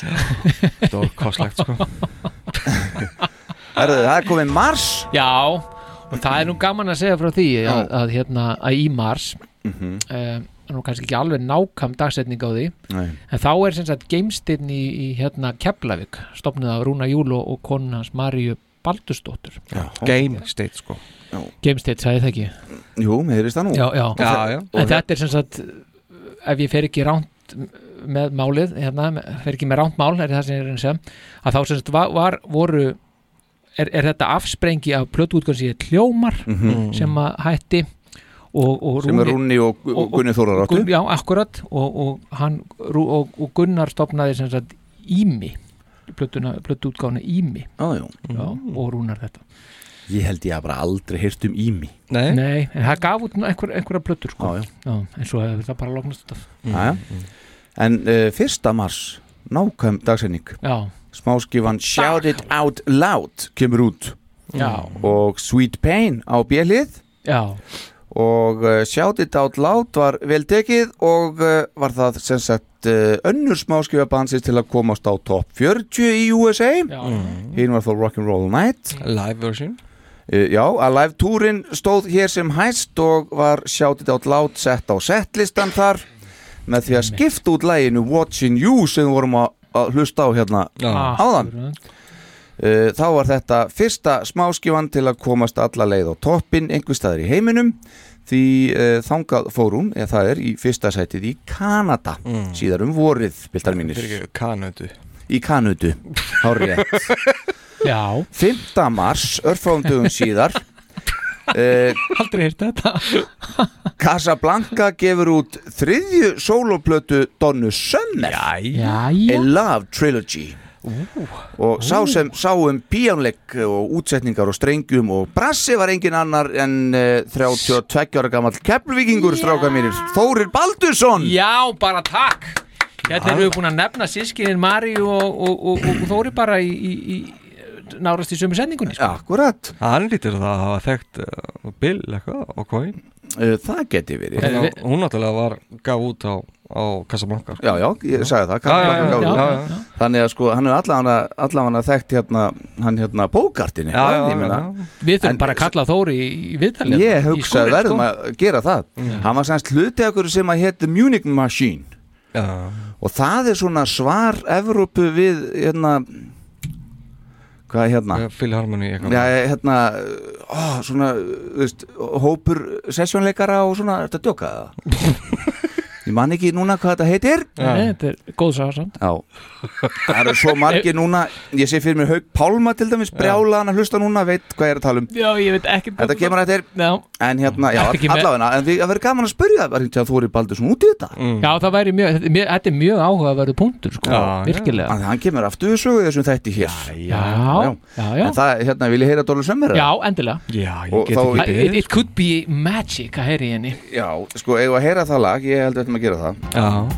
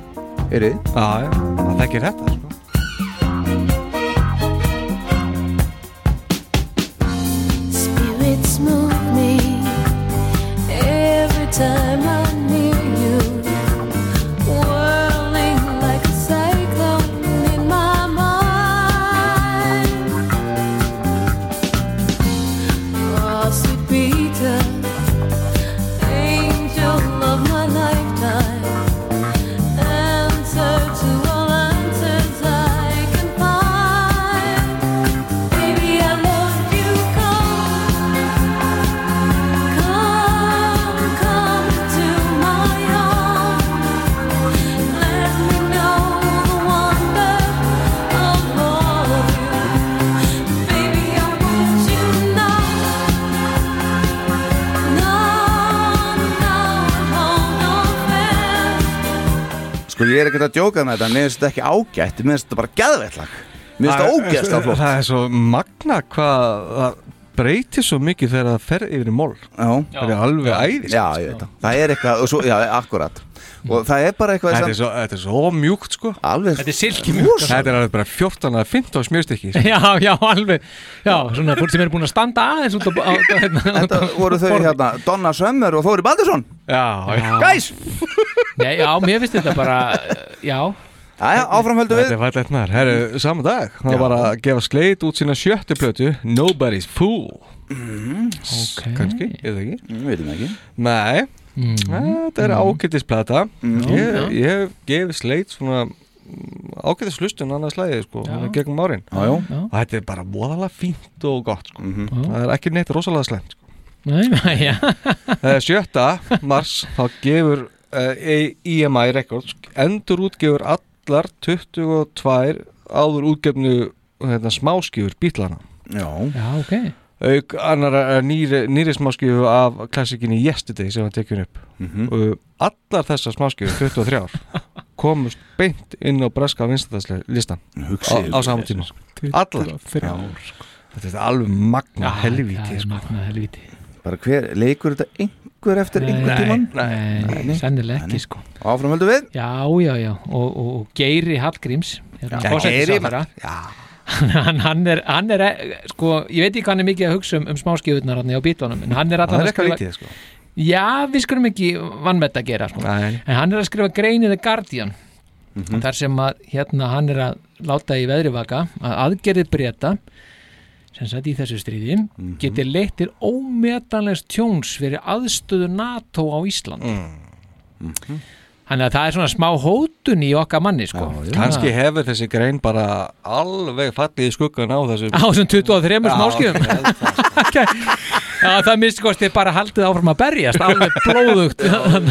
Öllum sama sko. Já, kannski, kannski var bara öllum sama. Allir að hlusta á jestiti bara. Já, mjög gaman. En hérna, en, en þremur dögum eftir að Geiri byrtir greinina þá er Arnarflumunni eftir Arnarflumunni. Það kaupir sko uh, vélar, semst flugvélar frá Air Viking sem var þá flugvélar sem hafi verið í rekstri Mhm. en hafi farið á, á höfuðið nokkrum dögum áður sko. Já, já. Bara alveg á höfuðið? Já, bara lóðbend lóðbend og ég held að það hafi ekki liðið sko, það liði ekki tíu dagar frá því að það fór á höfuðið. Nei. og Arnarflug tók á loft. Og meðan þeir eða svona nokkur, tveimutugum eftir að Arnarflug tekur á loft Já, þá eru sko, þá eru herstaðingar anstæðingar, þá eru þeir búin að saminast greinilega suðnesamönnum þarna var hann út á keflagurflöðli já. og loka sagt, eh, loka flugvöllinu bara. Bara í annað skipti þarna bara árið rétt að Já, byrja þetta er svona, já, það búið að loka tvisvar á, á bara á fyrsta ásfjörningi til að mótmæla semst, herstöðarteknið er að mótmæla hersetunum náttúrulega, Mhm. sem er náttúrulega klassíst aðilda NATO og það nú heldur betur vatn á millu er að, að NATO skuli gera lítið sem ekkert í þessari deilu. Já, já. og svo náttúrulega framgöngu breyta í þroskastríðunum í flertölu sko. Með mitt Akkurat þannig að það er alltaf rétta Það er á suð, alltaf söðupunkti á Íslandi já, já, já. Og þarna bara Þóri Baldurs bara góðum fíling með Donnu sem með er bara Donnu, sko. Hún er sem alveg sama sko. Já, já, já, já, já. alveg svo breytonum sko, í- Já, Sveitugar hans að loka herstuðinni og eitthvað Hann bara flippar á píónuði áfram. Hann bara á píanóið og breytarnir breyðast bara við með að gefa út bara fullt af smáskífum Akkurat, og enginn heyrir í fósætsráður Þetta er allt eitt stórt samsæri. Já, það er þetta þannig. 15. mars, strákar. Destroyer kemur út. Já, takk. Það er bara framleyslu lokið. Við heyrðum að það var að byrja masteran og masteru á hann og já, mixu á- Já, já. það var fymta Það Nei, var, þetta var bara í februar, ekki? var það? Já, Já, já, já, já, já. Og allavega ekkit rosalega löngu síðar Þá er platan komin hann út Og hún náði hæst í 11. sæti á Billboard Top 200 listanum í USA Mm. já, já. Og uh, þú ert nú með þarna einhver koppi af þessari plötu fórseti sem að-? Já, Já, nokkur sko já, um, Ekki jafn mikið og, og, af næstu blötu nei En þú ert samt með þarna auðvitað, Ken Kelly myndin saman á öllu þessu plötum En þú ert með logoð eitthvað svona skrítið þarna. Já, þetta, þetta, þetta er þýskútga sem að þegar að það var bannað að vera með þessi Samt ekki þessi setu S Heldur Nei. bara venjuleg S Venjulega sko Já, Það. Það voru þrjár plötu sem að sérst, Alive og Destroyer Mhm. og og hérna nei, hérna Drestu Kill Já. sem að koma út með þessum S-um. Já. Með þessu venjulegu, þessu bara. Já, bara venjulega S. Og það er svona Ok. mesta klúður í því, þeirri hönnun er klárlega alive myndi ég segja, maður Já, sér já. alveg að það er sett bara, bara- yfir og bara peista bara var líkt á. Já, já. Já, 16. mars. Já, Mhm. já, já. Já, já, já, þá hætti, já, einmitt. Harold Wilson hætti sem fórstutur á þeirra Bretlands. Hann, er sem sagt, hann er bara komin í smáskíðuna sko. hann nennir sér ekki lengur hann er bara í smáskjón Já. nennir ekki lesa geira Nei. Og, Ég- Allur tími mun fara í þetta. Allir maður tíminn farið bara í að hlusta. Ég hef ekki tími. Og svo spurning hvort hann tekur hérna Runaways Já, The Runaways. Gefa út sína fyrstu blötu, samlendasveitinni mm Mhm. Hljómsveitin inni heldur náttúrulega meðal annars Lita Ford og Joan Jett. Já, já Uh, Kiss vinnurinn, Kim Fowley Já, já. er aðalhöfundur flestra laga á plötinni sko. ásamt því að vera pródúser og spila áskonar hljóðfæri og áskonar Já, já. Frægasta laga plötunar er líklega Cherry Bomb. Cherry Bomb. Þekkir með það eitthvað? Ég kemur ekki verið mér akkur Er það ekki bara, Já, ertu með það? Bara rétt smá síðan sko. Já, heyrum það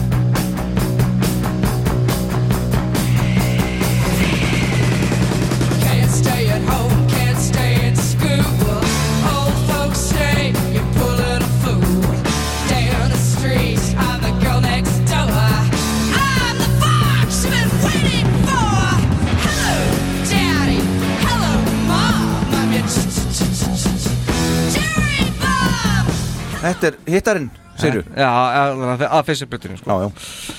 Já, Ok. verða náttúrulega fleiri uh, sem uh, leiðingar dregur sko. Já, já, já. En þetta er náttúrulega hérna Þetta er, eh, mér finnst það alveg æðislegt sound á þessu. Mhm. Þetta er mm, svona krisp og gott sko. Já, það. en, en, en, en þessi Kim Fowley þarna sem er að gefa út Þetta er áhugavert sko að, að hann er að gefa út plötu þarna. Já, já.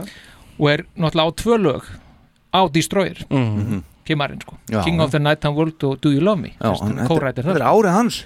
Já, það verðist vera hann Já, þetta er bara dag eftir dag. Já, já, 15. og 16. Akkurat, sko, það er nóg að gera þarna Já, það er bara móka í vasan sko. Mókar í Alla vasan sko. Já, já, já, já, já. algjörlega. En það bara svona til að nefna þetta þú komst inn á það á að, hérna, að, að, að, að sjáttu þetta látæðið farið inn á topp hérna 40? f- Já, og að, að byrja á því að fara inn á topp 100 Já, já. 20. mars, sem sagt 50 setna þá er, þá er hérna, nei, nei, hérna 20 setna eftir að hún kemur út þá er hún komin inn á, inn á Billboard 100 Mm. smáskjáðan sko Mhm, Já, smáskjáðan Já, já. já, já. og þetta er ammælistæða móðminnar þannig er hún fe- fjö- 40 og, og eins árs Já, já þannig að það er gott að vita því 20. að já, já, 20. Ah, mars, já, já, á já. jafndagri Já, það eða er svona, eða svona veit, já, hafið það verið þetta ár Já, 20. já, en, hérna, en svo gerist nefnilega 20 og setna, þá hef ég hérna, hefur George Lucas upptökur á Star Wars í, í Túnis Mm. Og Spielberg og, og Spielberg og hvað er hittan allir Mm. já, já, já, þannig að þeir eru þarna og 20 síðan Já þá kemur sko 24. mars Mhm. þá er Elisabethu Persson Mhm. Eða Isabel Isabel, Mhm. Isabel Persson Mhm. Nei, þetta er enda Þetta ekki franskt, sko. Nei, þetta er ekki franskt Hún er nefnilega, henni var steift að fórsetastóli í Argentínu Já. eftir að, eftir að hérna, herin tók völdin Mhm. og ég vildi bara koma þessu að sko Við töluðum um henni í 74 ég heldur betur og Já. þar var ég nú rekin og gatt Isabel Perón Þannig að nú ætla ég bara að afgreða þetta mál í eitt Já, sko. já, já, já. Já, Hún sem sagt komst til valda 1. júli 74 þegar Jean Perón Mhm. hann, hann deyr Juan. oh, mér tókst ekki eins og að bera þetta rétt frá Allt í lagi, gott að hafa jú Hann er veraldavanur Menni það var að tala um þetta sko Fórsetana Nei, Já. já. Já, já, þú þekkir hann Já, já. Því voru náttúrulega að hittast þarna. Kollegi? Kollegi, auðvitað. Æj, Og- æj, Það þarf ekki að bóra þetta rétt fram sko Já, og þú segir ekki Jean Nei. Akkurat. Og hún segir heldur ekki Hættur UK Nei. En sem sagt að Isabella, hún er hérna er, er fyrsti fórseti, hvern fórseti sögunar Mm. og hún er, bara svo það sé alveg tekin allur vafa því, þá er hún þriðja kona Juan Perón Mm. en Eva, Maria Eva Duarte de Perón það er hinn sanna Evita Mm. sem Já. að ég rættum um síðast og ég var rekin og gat með Já, Maria Eva Duarte Le Po- Perón það er önnur kona Ah. Juan Perón og hún dó árið 1952 úr krabbameini bara ung, hérna, ung kona sko. ok. Isabel hún eftir þetta valdarán þá er hún sett í stofufangelsi allt til ásins 81 þá er hún sendið útlega til Spánar og þar hefur hún verið síðan og þessi kona hún lifir enn og er fætt sem sagt 1931 hún Já. er sagt hún er háöldruð. Vel gert og var og var, var Betu, Þetta var 74 sem að herin tók völdin Nei, sjö- 76 sko. Já, 76, já, já, já, já, en hún var þá búin að vera þarna tæp 2 Og ár. því hún kemst til valda þegar að Juan Já. lætu lífið. Já, þetta var vel borið fram. Já, akkurat. Juan alveg. Að Þegar meðum ekki gleyma Vigdísi ef einhverju hugsa það núti. Hún Já. er fyrsti líðræðslega kjörni hvern fóru sér Þannig að þessi fekk þetta upp í hendunar Já, já. Já, hún bara, það, það, hún bara fekk, hún tók sér bara. Þetta var verið svona alda þarna. Það var 73 þá var herin tók við þarna rendi völdum í Chile þá. Mhm. Já, þetta, þetta er alltaf gerast þarna sko, og svo var það í og svo Venezuela og, Já. og allt já, Portugal og, og hvað þetta hétt allt saman? Já, því að það náttúrulega mátti ekki vera hægri öfl í gangi sko. Nei, maður er búin að fá nóg að þessu. Mm. Óskinnulegt Jæja, áfram, 2070 Já. Þá gefur út Judas Priest Sad Wings of Destiny sína aðra plötu. Þarna gefur á að hlýða mun sterkari lagasmíðar en á fyrstu, fyrir plötunni fyrstu plötunni, mun proggaðari og bara vel svona úthugsulög Mhm. Sérstaklega það var lægi Victim of Changes. Algjörl tímalega snild Mhm. sem er oftar en ekki spilað á tólingum enn þá daginn í dag. Mhm. einnig eru löginni Ripper og Dream Deceiver algjörlega geggjur Já. Ef að hlusta á smá smá prístar hendum í eitt, Rétt smá byrjuninu sko. Smá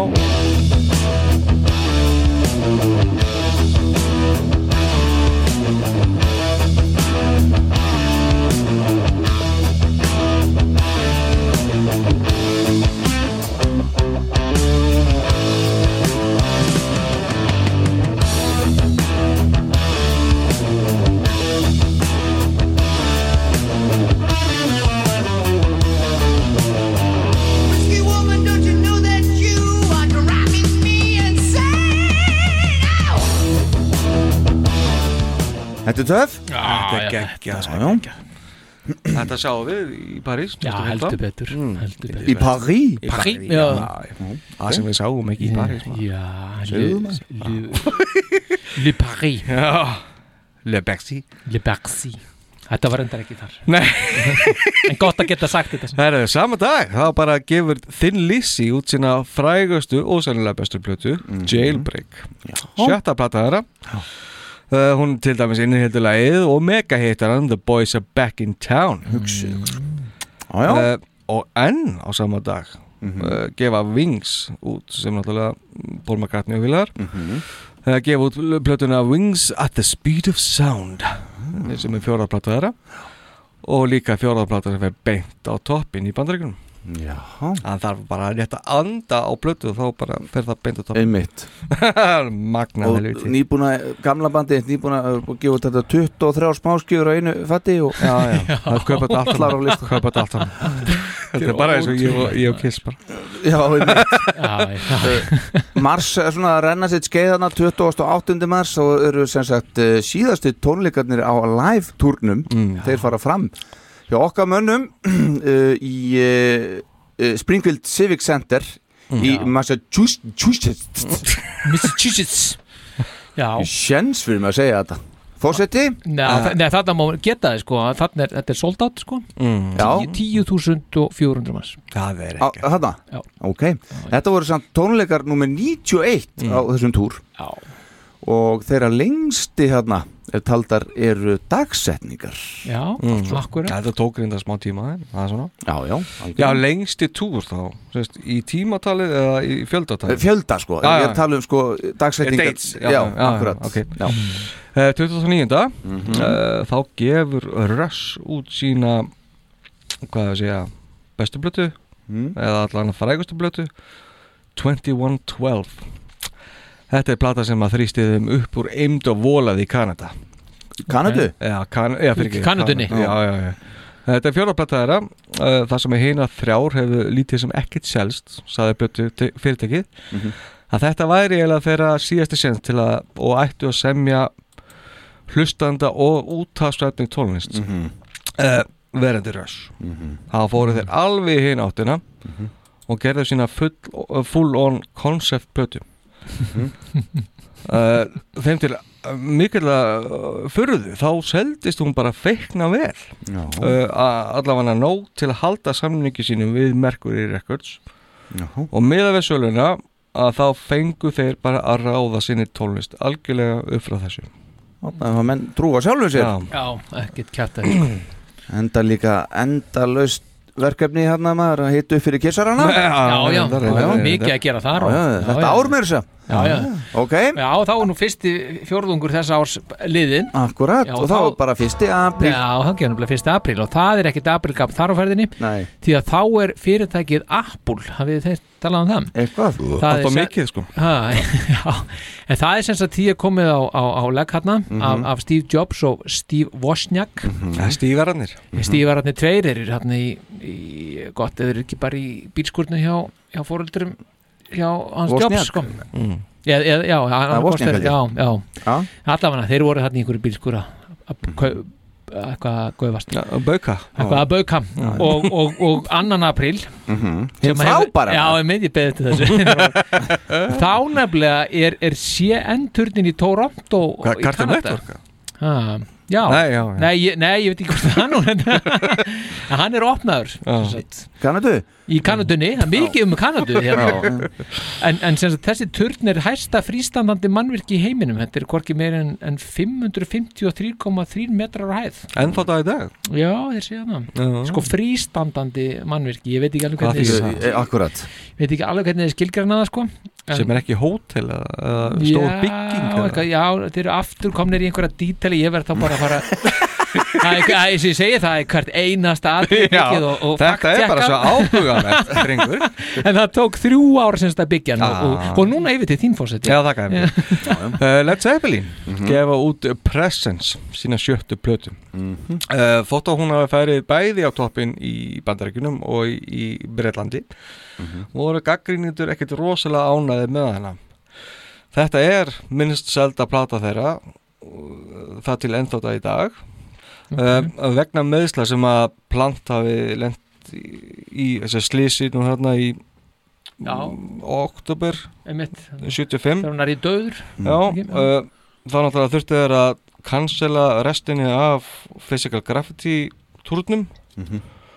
og honum leiti svo rosalega í þessu endurhefingar ferli að hann var bara að semja fullt af tónlist og textum og þegar það var komið með alveg slettað þá bara ringdi hann í í, í hérna wow, Page, já, Já, já, Jimmy já, Page Jimmy Page. og hérna þeir bara í Miami þá voru þeir bara í stofunni hjá plantaranum og hérna voru bara nokkur neginn að setja alla þess að plötu saman. Já, Ok. ok.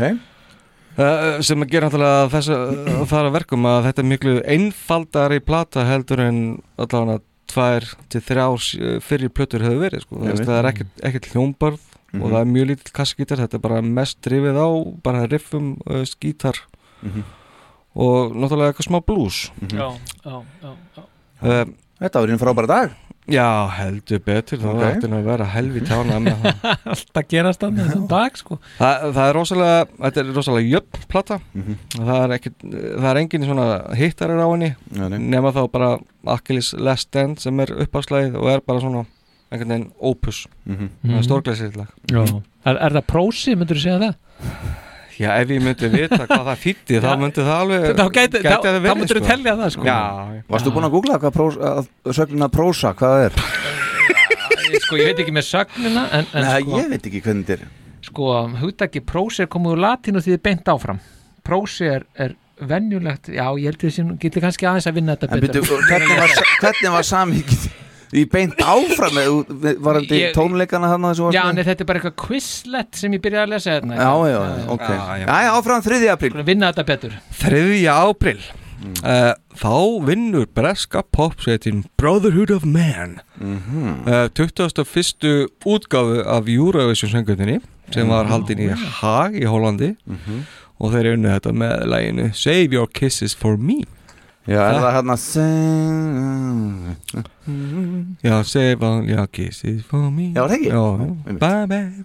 Uh, Þetta verður og er Já. mest selda uh, Eurovision lag allra tíma. Ég get sagt þér það. Já, já. Hældu í þessu. Já, Mm. Herðu, svo, sko, hérna uh, ekkert gamamál Mér langar að hafa þetta inn í að þetta nú gerist í heimambænum mínum. Það voru, voru tvö morð þannig þetta ár sem að slóu þjóðina, íslensku þjóðina miklum óhug. Og Já. harmi. og harmi, já. Uh, Annað er að, uh, var þegar að 29 ára gammal karlmaður fannst látin við heiðalönd á Akureyri. Hann hafði sem sagt lotið þrjú skotsár í nakka og eitt í öxl. Uh, en skamt frá fannst svo uh, Remington 22 kalibra riffill sem hafði verið stólið úr ykkur verslun á Akureyri þessa sömu nótt. Og það voru tveir drengir sjónavotar sem sögðu lögreglu að þeir höfðu séð annan dreng með riffil og voru þeir beðnur um að bera kennsl á hann. Og í kjölfarið var, var 18 ára piltur handekinn og uh, hann sem sagt gerandinn og svo fórnalamið þeir þekktust ekki neitt og var þetta morð því alveg tilhemslaust piltinu var gert uh, að sæta geðrásókn en uh, sakadómar Akureyrar dæmdi hann svo til 16 ára fangilsisvistar þetta síðar þetta ár 1976 Já. Þetta er svona mál sem að það sem maður er nú fættur upp alveg nakkur og vissi maður að þessu Já, já, þó svo ég ekki verið fættur að það Nei, nei, nei, nei. nei, það er nefnilega aðteglisvert að það er svolítið verið sko, ég, að ég var að svona, renni í gegnum árið, þá er svolítið verið að, að drepa sko Já. hér, hér, þe- þetta ár sko. Já, það veit er alveg nokkur morð Akkurat og ég var ekki að týna þau saman en mér fannst þetta svona veist, það er alveg svona, það fæst eitt hérna í kópáinu sko, sem hafi verið skotið eða eitthvað slíkt sko Mhm. Já. þannig að þetta, er alveg nokkur morð, af því það er alltaf að tala um sko, þetta sé, sé, ekki, sé ekki þetta frétta sko Mhm. í, í þessum málaflokki hér á Íslandi Mhm. en greinilega Það er þarna- nefnilega nokkur þetta ár 1976 en það voru hérna þetta og eitt annað sem voru svona sérstaklega sem að einhvern veginn Já. þjappaði þjóðin eitthvað saman já, eitthvað. já, já, já, já, akkurat.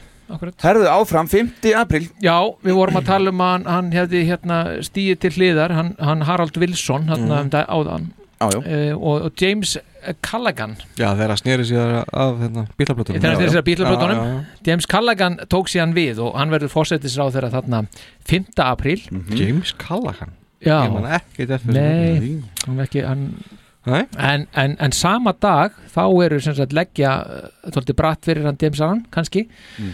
Að Íslandingar leggja fram kæru í öryggisráði saminuð þjóðuna vegna framferði breyta í landeríkistinni hann er ekki skánar þetta Það er bara rétt komin inn á skrifstofan Hann er- já, þá bara búm Bara fyrsta, fyrsta breyfið Já, bara gjör svo vel. Herra James. Sér hefur verið stefnt Já, from Geiri Hall. Já.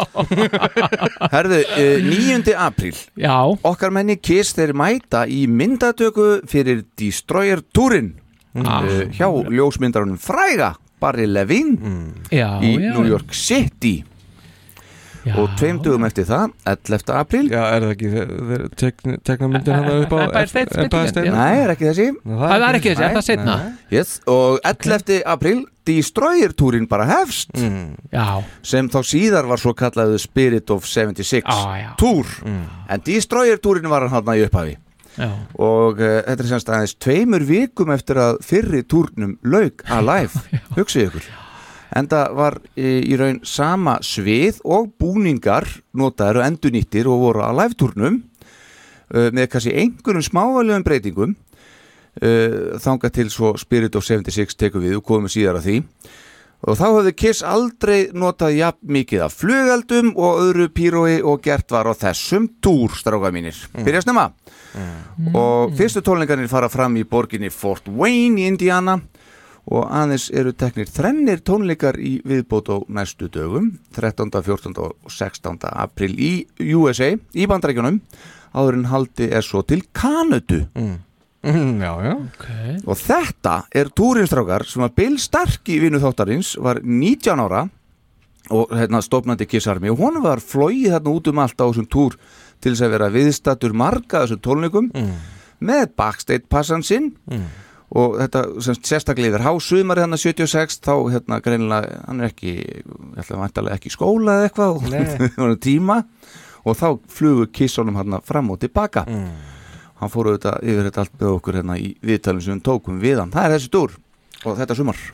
Er mig að minn mismunna eða byrjaði uh, þeir voru með annað hérna stage fyrir Destroyer fyrir þeir byrjuðu sem var svo bara að því að það var alltaf erfitt í uppsetningu þá bara hættu þau með það. Já, það var sko þetta sem hann var með hérna Ljónunum hann Nei, Nei, það, það var svona, ertu ekki að meina jú. af, af, af New York og, og, Jú, akkurat, og, akkurat. og eldingar og Alls konar vesen, sko. Já, já, Já. Það, það, það var Þeir settu það upp allavega þeir, þeir notuðu það í einhverjum tónleikum Þannig þeir að byrja á því þarna og það er þess að vera þessar breytingar sem þau gerðu á live settinu þá, þær breytingar Nei, þetta var alveg nýtt sko En svo bara skröppuðu við því Já, Þetta var alltaf erfitt. Þetta var alltaf þungt sko. Já, já. Og fóru þá bara og gerðu það bara aðeins breytingar á setinu sem það höfðu verið með áður á já, og og, notuðu það. og notuðu það áfram, sko. Já, já. Já, já, við vorum svona ste sterafóma af hérna, öllu römblinu sem var á plöttinu sko, hérna, drastlið steinunum og því Já, einmitt, við rættum þetta einhver, í einhverju þættinu fyrir Já, löngu síðan. Ég, svona, eitthvað rámar í þetta. En þetta var, það, já, þetta var, þetta var heilmikið hérna, þetta var heilmikið svið sko sem þeir voru með þarna. En einmitt, veist, þeir köttuðu þannig að það, þetta er er ekki mikið af, af vídjóum til dæmis af þessu hérna. Nei, Það, það er bara veist, einhverja nokkra myndir sko Já, ég hef reyndar séð sko, það einhverja- tónleika með þessum, Mm. ég varst þetta einmitt, þegar ég sá þetta fyrst, þá var ég bara "Ha, wow, ég, ég, þá á þeim tímum punkti vissi ég ekki að þetta hefði verið sko. Nei, nei, nei. Að Þetta var mjög skemmtilegt sko. Mm. En finnst ykkur ekki skrítið að taka bara tvær- tveggja vegna hlið og bara byrja næsta túr?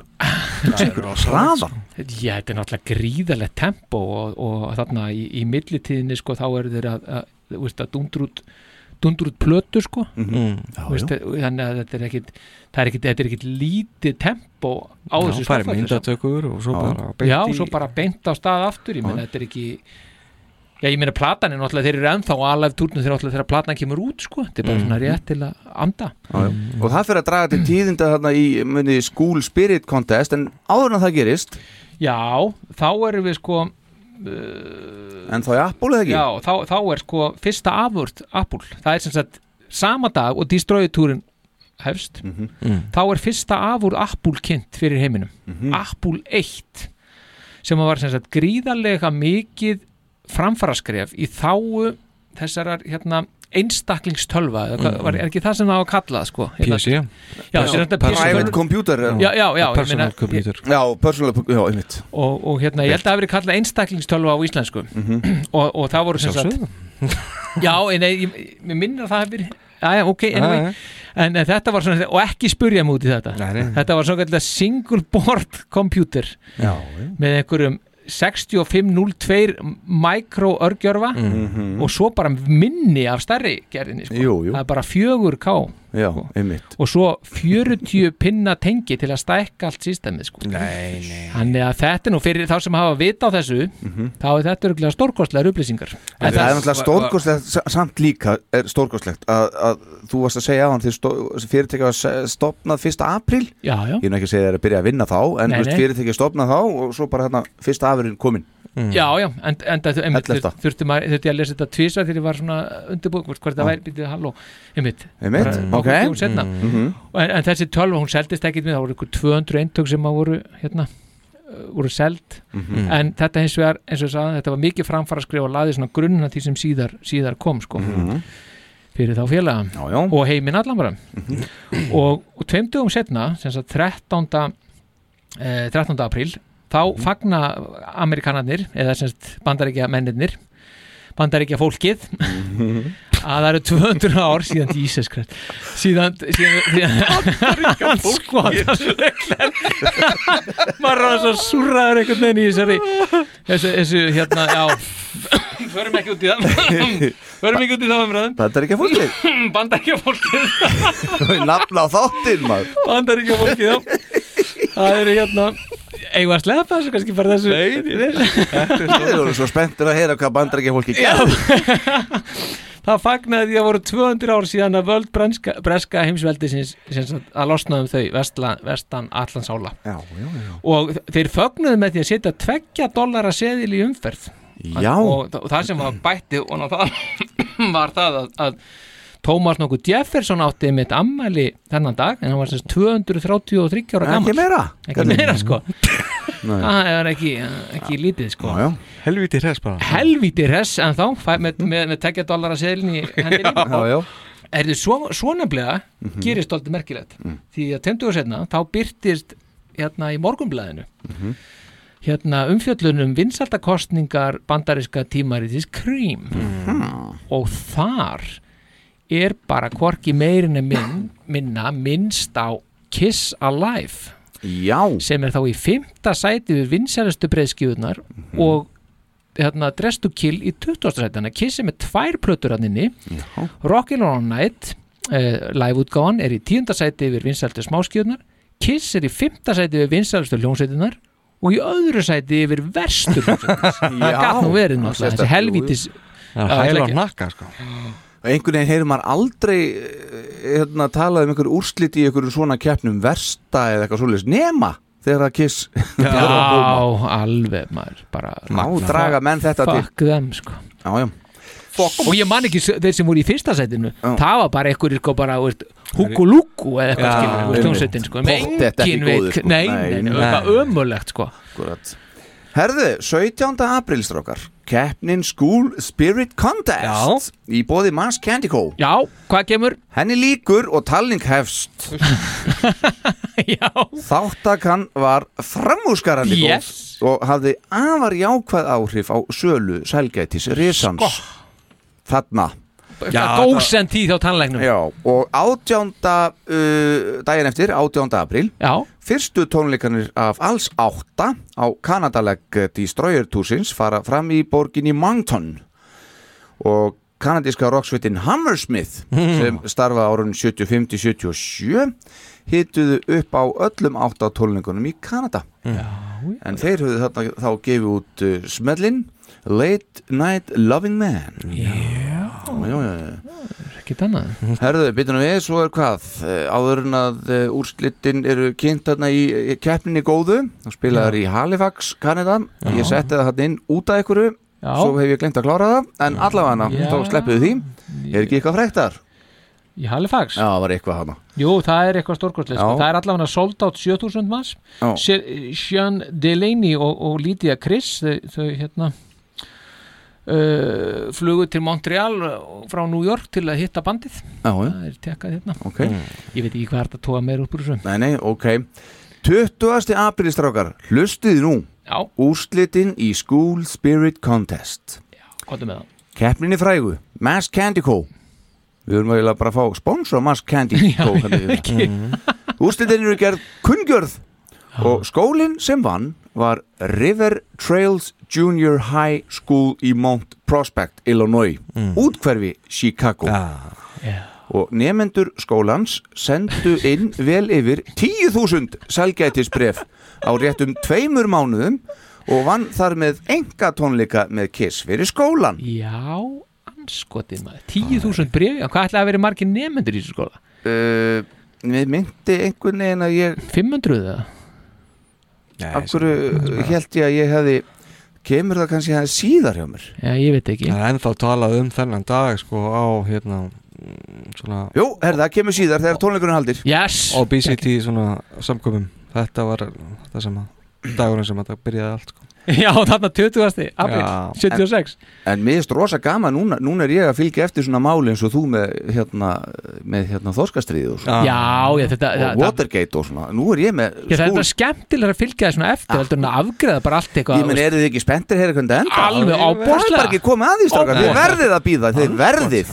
Já, ég er svo spenntur að vita líka hvað eru margir. Akkurat, það kemur allt fram. Já, þetta er geggjart, ég er bara Þú getur spurt að vild, ég með allt Já, já, já Annað en sumir Akkurat, Herru, svo er það 21. Það eru tónleikar í Montreal og það er vantilega sem að þú varst að tala um hann á hann Mynd Delaney og Mrs. Já, en þau flugu sko til Montreal svo bara fóruð eitthvað til Já, Já, já, skiptir, Jæja, ekki. skiptir ekki og svo hérna fá þeir eh, okkar menn 20. annan í uh, Ottawa, Kanada fá hérna uh, haldaði tónleika fyrir gjöðu og Destroyer fyrir guldsölu mm. Þennan sama dag. Já, þetta er bara, þetta eru fimm vikur. Já, og þetta er þá fyrsta stúdioplatan þeirra til þess að ná því. 500 úr stendikum Já. Akkurat. Áfram halda tónleikarnir þarna í Kanada áfram og svo, ég veit þín fórsiti Já, 2003. aðeimitt þá Mhm. gefur Rolling Stones út uh, sína 13. plöti Black and Blue. Þegar ég svona rendi yfir lagalistan á þessu plötu ég þekkti ekkert af þessu lögum. Mhm. svo sem ekkert mjög aðdráðið þannig. Nei. en sama dag gefa Ramones, The Ramones Mhm. gefa út sína fyrstu stúdíoplötu Ramones. Já. algjörlega geggja geggja plöt sko. Já. Svo mikið New York. Og svo mikið attitude. Og við verðum náttúrulega að smetla í hérna smá. Já.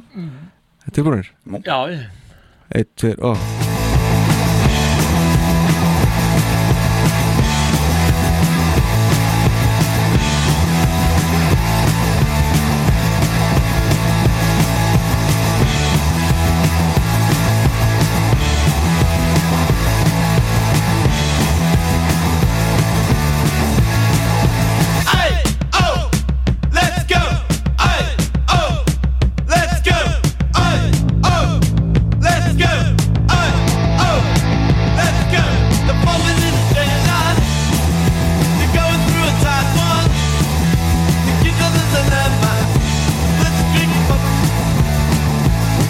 Þetta er gott. Þetta er stórkost Það verður sko, það verður meira en pönk hérna hjá okkur síðar Þetta er líka. Já, já. Já, já, já, já. betur maður. Herðu, já, já, og þá ætla ég að segja ykkur eitt að það verða svo tónleikar í eh, London í Kanada auðvitað Já, Úff. já, já, Nú hélt ég væri farin að rugla, sko. Já, nei, nei, nei, nei, nú er sko Norður Amerika, þeir alltaf að taka öll nöfnin á öllum sta- stöðum og borgum úr Evrópu og skýra þetta að þið finnir allar þessar borgir hana Skrítið þið skulle ekki vera New London Já, já, en kann- það eru örgla til En þarna uh, er til upptaka að þessum Já. tónleikum Mm, mm. 24. april 1976 Já, geggjað og þetta er uh, hérna Flaming Youth Það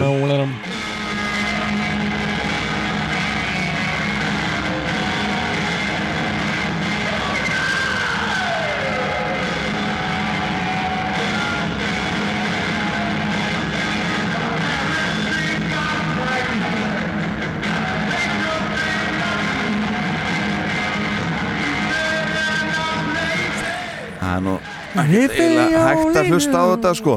Þetta bara minnir á gamla tíma í gamla tölvunni.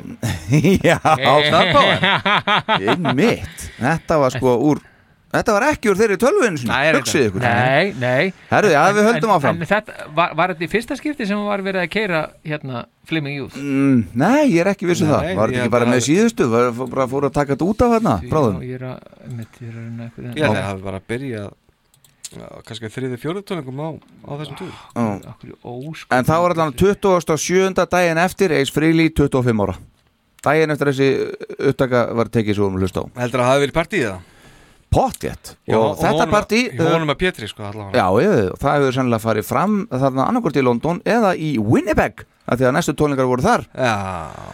Og þá bara erum við kominir eh, yfir til mannsinn sem er á Google eða eitthvað og ekkert að fylgjast með á orðið Nei, já, einmitt, sko við, við erum hérna 25. 25. Mm. þá erum mitt Portugalar að lögfesta nýja stjórnarskrá Við munum eftir hérna Nellikubildingunni sem var Mm. hérna fyrir tveimur Ah. árum sem Já, var fyrir já. tveimur árum Já, þú er 2015 tilbaka, já, fyrir ekki, ok Já, Já, já, Já, þú hoppaði bara Já, ég, ég hoppaði yfir Já. það bara, fyrir ekki Já, já, það, það er fínt sko. Já, ok. en, en þá voru þeir bara, þetta er bara afrakstur þessarar byltingar, hann Já, já. er bara að- að- að að koma þarna í, í ljós. Já. þannig að, Bera blómstur. Já þeir eru Mhm. settu nellikunni í akkurat. Svo við þekkjum svo vel. Sem við þekkjum svo vel, akkurat. Mhm. En 28. þá segir Star Power hér uh, hvort að spurning hvort að þennan dag sé, sé fyrsta umföllin um kiss í íslenskum fjölmiðlum. Já, ég var að velta því fyrir mér einmitt. En varst ekki að tala um að það hefði verið minnst á kiss en það rétt á Jú, jú, jú, sko, nei, halló Svona tala um kiss. Já sko, Þeir það, voru það, bara að það, lista já, þetta var bara einhver listi. Já. en þetta er svona umfjöllum Já, sko. já, já, Hún er ekki, ekki mjög merkileg. Man eftir að hafa heyrt um þetta sko. Já, Ok, en þá er semst verið að fjallum það þegar Elton John er einhverju ferðalagi þarna um Norður-Ameríku Mhm. og hann hefði hitt Kiss þegar hann skrapp til bandaríkjana þegar hann var að vinna í Toronto í Kanada og var að taka upp nýtt efni. Mhm. Og hann sem sagt hann fór þarna yfir landamærin og fór líka að hitta hann að Lís en hérna dóttur hans hérna Presley. Lísu Marie. Lísu Marie, já. Þannig að hún fór, hann fór í tepo til hennar. Og, og, og svona var að gera sér svona dagamun Já, já. öðru hverju sko. En það er alveg líklegt að hitt kissan í Kanada. Þeir eru búin að vera þarna náttúrulega bara bara undan. Lón og Dón sko. Já, Í London? Já, Nei, já, já, í London en, en þetta er, já þannig en, þetta, þessi, þessi frétt eh, ég var nú eitthvað að reyna að googla þetta svolítið til sko. Mhm. um, þetta veitir svona ekki vera alveg að glænýtt en, en, já, maður veit ekki. Maður Mhm. veit ekki hva, hvenar þetta var nákvæmlega. En í 2008. var þetta í blaðinu. Já, ok. Hér á Íslandi. Og talandi um Lisa Marie og hennar, hennar hérna, fyrsköldu Mhm. uh, þá þegar að túrin hans Bruce Springsteen stoppar í Memphis, Tennessee Mhm. herri, það ákveðu kallin að hoppa yfir veggin á höfðingi setri Ellis Presley, Graceland Já, já. í tilurinn til að sjá ótrúlega góða seti og hitta uh, auðvitað stoppa hann Springsteen og fylgja honum út. Já, Já, hann hefur ekki fengið teppoð eins og Nei, Johnarinn Nei, akkurat sko, það eru ekki alveg á sama stað kannski. Ekki alveg. Herra, og svo náttúrulega ég vildi bara minnast á það að svísneska metalbandið Krokus gefur út sína fyrsta plötu hérna. Það er bara 76, já. Pældu í því, Já, það er bara það argandi hérna, metal bara í Akkurat. Og síðasta dag aprilmánaðar 30. Uh, önnur smáskjáðan af Destroyer. Flaming Youth kemur út og God of Thunder á já, já uh, náði í 74. seti í bandaríkjónum 73. í Kanada. Og þrátt fyrir að lægi sé rétt tæpar þrjár mínútur á plötunni var það einhverju hluta vegna stitt niður í 2.39 á smáskifunni. Nú, já. Með því að he- hefja lækkun á því fyrr. Já, hvers vegna? Veit ég ekki. Já, já Og svo er God of Thunder á, á, Sér út, út á svetna eitthvað, ég veit ekki. Það getur verið. Og hinn fyrsta mæ við erum komin Já, þangað. já, við erum komið fyrsta mæ bara. Þá er það bara uh, maður nýjórðin 25 ára gammal Ace Frehley og Jeanette Mm. uh, Trer Trertola. Ekki, er þetta ekki rétt um mér? Tóla Trertola, Trer, já. Ég er ekki með nógu sterk gleru um tóku eftir, því, ég er ekki með rétt gleru Nei, ég tók ekki eftir því allir en sem sagt, uh, Jeanette Frehley og, uh, og sagt, þá orðin Janet Frehley og þau gifta sig þarna. Í New York. Og veistlan fór fram á Americana hótelinu þar í borg. Já og aðri meðlumir Kiss voru að sjálfsögðu í veislunni. Já. en þar var búið að ráða wedding band sem heitir St. James Infirmary Infirmary? Já, infirmary já. Infirmary? Svo, ég, ég, það er þetta stækka þetta held ég. Já. Já, já, já, þú getur gert það sko. Í, ég er búin að Hanna! Þá, þá hætta villurnar sko. Já, Uh, St. James Infirmary uh, til að leika undir dansistrákar Hugsið ykkur að vera þarna Ég að leika undir Já, hvað, að því að sagan segir að meðlumir þessa band það hefði verið ansið reynd stressaðir fyrir því að koma fram því enda vissu þeir að þarna var um að ræða brúðköp sólogítarleikarans í Kiss. Jesus. og að allt bandið yrði þarna. Og Kiss var ekkert venlegt band þarna á þessu tímastrákar eins og við vitum. Þeir voru hrættir um að bæði að veistlan myndi enda í ykkur ruggli og slagsmálum. Já. Þú veist, eins og bara orðspori var einhverjölda vegna á Kiss á þessu tíma. Já, já. Sem á að vera beðnur um að spila lög sem þeir gætu bara ekki spila eða myndi ekki henda stemmingunni en nú eða bandinu þá held ég Við tökum ekki við óskalögum. Já, við kunnum þetta ekki. Já. Eh, Þeir vissu þó að Kiss ætluðu sér að fá hljóðfærin lánuð til að koma fram og taka nokkuð lög. En settið þeirra var nú ekki langt. Til eru upptökur af þessu á internetinu sem uh, var tekið á 8mm filmu. Já. Og talar um að þetta sé elsta reyfimynda upptakan af Kiss spila án andlitsfarða, ég held að það sé bara fakt. Og lögin sem þeir tóku áður en nýr tengdafæður Ace sem var sem sagt Teamster Winston Trerotola uh, hann rak þá á sviðinu.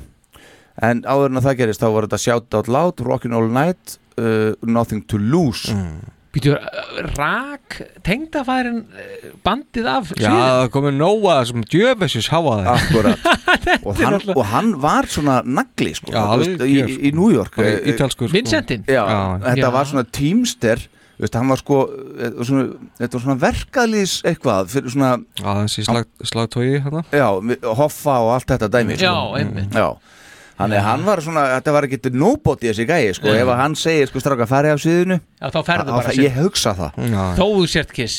Já, ymmit Og hérna uh, Ace og Jeanette voru þetta saman í einhverja mánuði mm. kannski hálft ár. Já, voru löngu hætt saman en ennþá lögulega gift árantugum setna já, ennþá. Og ennþá í dag eða Já, ekki? já. Þá eignuðustu eitt barn, dótturina Monique þann 7. júli 1980 nánan það síðar. Og þetta er þetta að finna á netinu við þurfum ekki að fara í það, það er ekkert gott sound á þessu. Eis Freili nummer 2 bara. Já, og fyrir áhugasama þá er þetta að sjá þetta á netinu. Já, já, já, já, já. Þetta var brúðkupið að segis Þetta er brúkabæð segis afgreitt í, í, í hérna, stuttumáli Já. um, það, þeir En mjög góður samt. Mjög góður, Já, já, já. ég ætla ekki að gera lítið úr því. Eftir ég stækkaði þennan skjálfur? Eftir ég stækkaði, já, snar batnaði við það. Hérna, En þeir geta líka fagna því að, að þennan dag þarna, þegar Ís er að gifta sig Mhm.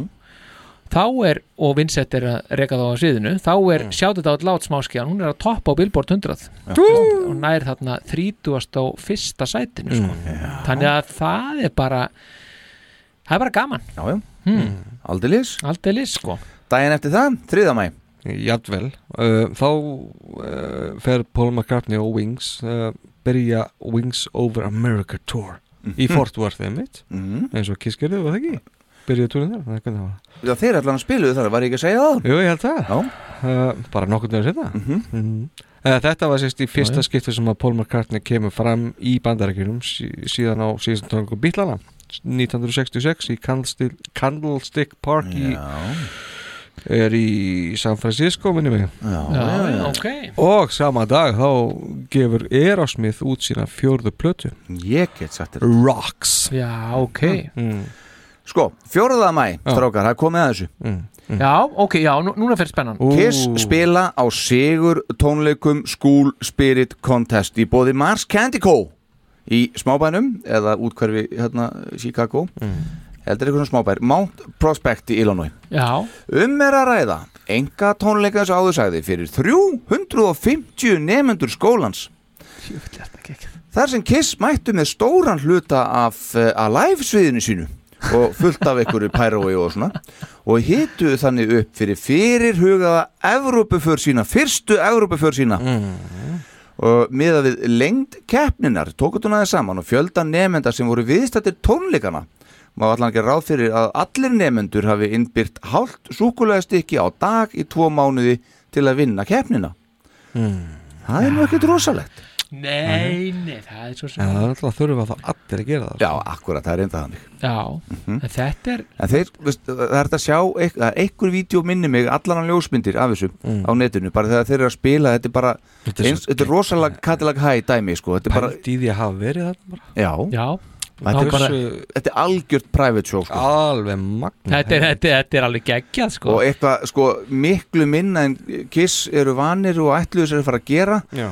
en svo fara þær til Evrópu. Og við förum að sér við það og eftir. Já, það já, gekk. já, já, já, já, já. en sama dag, Já, Kiss gerir þetta þá er, þá er hérna Lageos 1 Legeos Já, þá er því hérna komið fyrir hérna út á Sporbug sko. Mhm. Þetta er semst Laser Geodynamic Satellite. Og, og, og það er sem sagt því var skotu á loft og, og, og, og þetta er greiðlega merkilegt kerfi tungl er mér sagt. Mm. það er sem sagt 60, metrar, 60 centimetrar í, í þvermál þannig að þetta er ekki stórt. Næ en þetta gerði mönnum, fólki bandar ekki fólki kleift að sapna með hjálp leysergeisla semst jarðeðlisfræðilegum gögnum með mjög mikillir nákvæmni. Mm.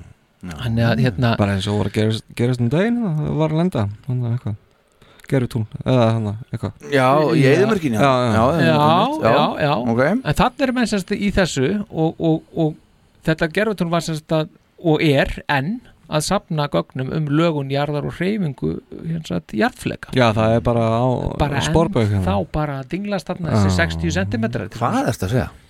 Já, þetta er, þú veist, þetta, mér finnst þetta merkilegt hvað er þessi tæknithróun þarna er þessi ofbúðslega miklar svona stórar framfarir í tæknithróun Já, og við séum að nýta okkur ennþá 2023 með alla tæknina eitthvað sem var Já. skotið upp þarna Já, 76. þú veist, á breytt við þóttavel eitthvað hérna Já, já, þetta er svo tveir fótboltar eitthvað. Nei, ég veit ekki, nei, það er kannski Jú, er þetta ekki tveir fermar 60 cm Já, Já, þetta er bara Þvottavél, eldavél, venjuleg- ísskápur. Já, já, já, akkurat, já, já, já, akkurat. Já, já, einmitt Ok. Kæmist í búrskápin bara. Akkurat. Mm, sko. það er bara svoleiðis. Heyrðu, svo er bara, svo rifið maður sem við gleymum ekki þorskastriðin Nei, nei. Nei. En, en þarna, fymta daginn eftir þetta, þá er sérst átján breskar freikátur að gæta breskra skipa á Íslandsmiðum og þeim er uppálagt að rífa íslensku varskipin bara í tætlur. Já. Þannig að það er, þetta er ekki Og hérna, voru þá varskipin bara í vari eða? Nei, þau voru bara slást Fóru þau bara í þeir voru bara slást við þetta þetta, er- þetta er nefnilega þegar maður fer að velta sér þá er þetta ótrúlega bardagi sko. Mm. að því sko, því að sko munurinn sko styrkleika munurinn Það er náttúrulega er gríðalega gríðarlega mikil Já, sko, veist, breytan er náttúrulega gripu ekki til vopna sko. Nei, nei, en þeir, þeir báðu um það þeir, þeir óskuðu eftir að fá heimil til að fá að skjóta í bara íslensku varskipin bara niður Mhm. þeir fengu þannig reyndar ekki Nei, nei. en það náttúrulega bara í Sagan væri öðru sí Gallagan Gallagan ekki alveg til í þetta hann var ekki til í það að gefa Nei. grænt á það að maður myndi Nei. skjóta þetta bara allt niður en þetta er ótrúlega mikið afreg Mm, mm. íslensku landaríkiskeslunar og það er einmitt heldur áfram þarna Sjötta. að, sjötta sko, daginn eftir Mm. er einmitt Palli frendi minn á Amali Mm. hann er einmitt tveggjar á þarna Já, já bara svo það sé sagt já, já. Að, að þá er henni alvarlegust átökin þegar þessi stað, þegar þrjú varskip Íslandinga er að eiga við semst 11 freikátur, dráttabát og fylgdarskip sem er að gæta 15 tógara nærri Kvalbak sem er semst úti fyrir Suðausturlandin, uh, úti fyrir semst djúbivórir og þar. Já. og, og þar er varskipinu tí því er næstum sögt bara. Og, og það var komið semst, það var svo mikill halli á skipinu að, að, að, að, að, Guðmundur Kjarnestad skipsæra, hann segir að það hafi verið sko svona 70 gráðu halli Já. þannig að það er svona nærri því komið á hliðina já, já. en það nærri að rétta sig af og það sem þykir eitt mesta afreg mm. er það að upp úr þessum 70 gráðum rétta þeir sig af og fara beint í það að klippa tófýra á tógarannum Karlæ sem, að, sem að hérna veist, þá bara eitthvað, já, afgreitu það og einhvern veginn að ná að binda þetta tvent saman Já, já. Mm. það þótti stórkostlegt sko. Já. þannig að það gefa sko ekkert upp Nei, nei, það er nei. bara, það er ekki gefist upp Það er já. bara alls ekki og þið sjáu liðs, veist, hva, hva- hvað er mikið veist, það eru þrjú á móti já, já. 11 sko. Já, já. og svo 15 tógar er í viðbót Akkurat. þannig að þetta er eitthvað Þetta er overefli Já. Samt ekki Svo þannig að sama Nei. dag hérna, einhver, einhver harmleikur fórseti Já, já, það er það Keith Richards hann er náttúrulega bara nýbúin að gefa plötu Mm. Og kona hans Anita Pellenberg verða fyrir harmleik Mm. þegar að tíu vikna svona þeirra Tara deyr bara öndunar bílun Já, Mhm. það er svona Anita Pellenberg var ítölsk óver fyrir þetta á þeim tíma Já, já, já, já, já, já. Okay. og hérna og svona rétt til að binda aftan, hnútin aftan við það sem ég var að segja á Átökin. átökin, þá Mm. eru sem sagt daginn eftir 7. mæ þá, Mhm. Þá lýsa Íslandingar miklum vombriðum með framgöngu NATO í þessu að, veist, að, þetta, að það sé ekki, að gildir rauninni ekki þetta þetta motto sem er innan NATO ef það er ráðist á eina Mm. já, þá er ráðist á allar alla, allir Já. en, en hvað gerir maður þegar að þegar bandalastjóð ræðist á aðra bandalastjóð sko? Mm. mm. hvern, hvað, hvernig virkar það Mm. og það greinilega virkar með því að menn bara gera þá ekki neitt sko. þannig að og. og bara, bara blístra og horfi hináttin og hlusta kannski á nokkra í já. nýbúin að fá þetta En var ekki alveg innegg fyrir því að lýsa yfir þessum vonbröðum Já, held ég alveg, Já. alveg algjörlega. Ég meina, Það er bara verið að berja litla bróður í mauk og, og foreldrarnir bara horfi í hináttina sko. Lilli rauður í frendin eitthvað. Já, litli röðri frændi bara buffar út í garði. Svo við tökum góða myndlíking Tíundi Tíundi mæ Þá uh, kemur það fyrir að Alice Cooper nýgur niður á æfingu Mhm. og er fluttur á, í skyndi á UCLA sjúkrahúsið í Los Angeles uh, þremu vikum áður en að tónleikaferðin Alice Goes to Hell átti að hefjast Mhm. uh, Tórnum er þar með cancelað Já Rættist þá kannski bara hérna titill Já, kannski Já, svona, kannski einhver, já. uh, Went to Hell and Back sko. Já, hann er back, já, já, já. Og sakadómur Reykjavíkur segir hérna, játningar fjögur aðeila liggja fyrir geimfrinsmálunu sama Já, dag já. Mm, já. Það En ekki hvað? Einhverjum Já, Var það ekki? Já. Jó, það er svona hefur eitthvað ekki greinlega alveg verið alls jafnræðis gætt fyllilega. Sennilega ekki. Nei, sennilega ekki sko. Þetta tíminn að leta eðljós. Eh, 11. daginn eftir þá byrjar Gerard Ford fórseti bandaríkjana, hann byrjar að setja sér í stellingar fyrir komandi fórsetikostningar hann, hann ætlar ekki að láta deigan síga þráttur að hafa verið uh, tvísasunum reynd að drepa hann þarna síðast árið 75 Mhm. eins og við munum Já, já. og svo bara hvað, hvað gerist svo? Okkar menn, þeir eru mættir til Evrópu í fyrsta skiptið mm. Já uh, Réttar að sagt uh, eða nánar tiltekið ætla ég að segja til, til uh, Bretland segja já. Já.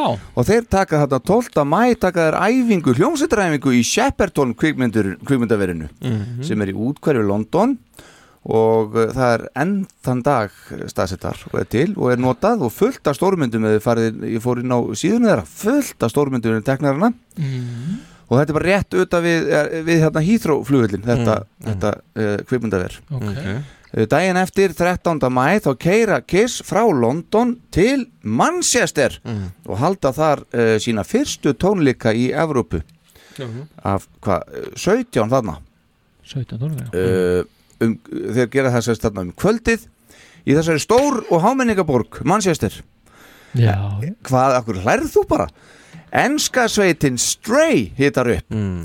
og breska sjónvarpið mætir og tekur upp innslag með Kiss sem sínt var svo nokkrum dögum síðar Mm.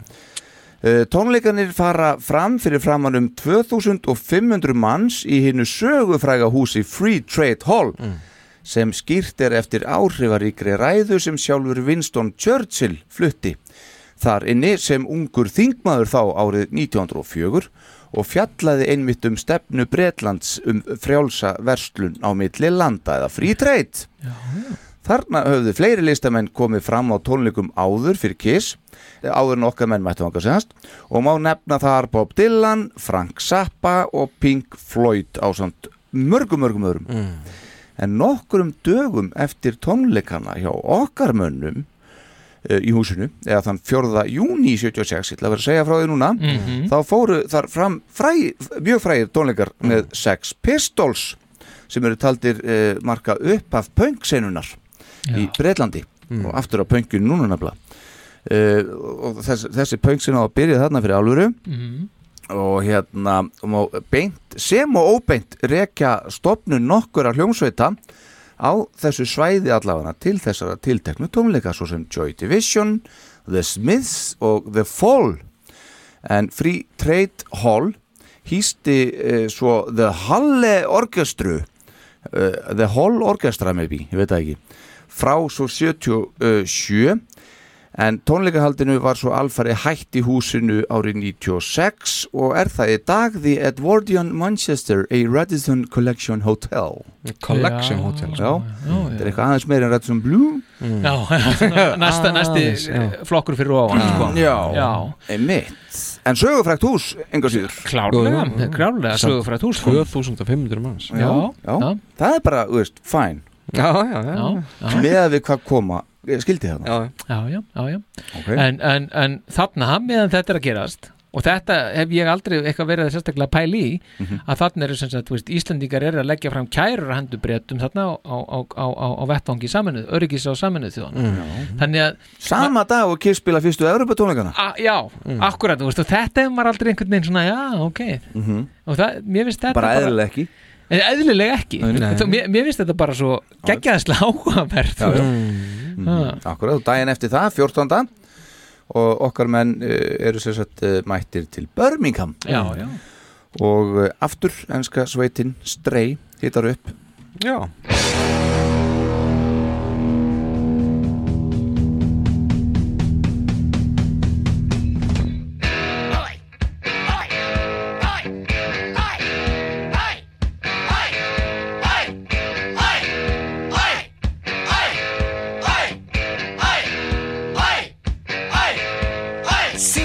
saman dag þá uh, kemur út fyrsta alþjóða útgáfa uh, ACDC sem heitir High Voltage. Um, hún er í rauninni samblanda af tveim fyrstu plötu þeirra sem báðu koma út náttúrulega 75 í Ástralíu. Uh, reyndir er bara tvö lög af High Voltage ástralsku einnig restin var af, af TNT Já, já, já, hún var svona aðeins svona meira rock og straight forward hitt var svona. Gera þetta eina plötu úr þessu. Já, já, já.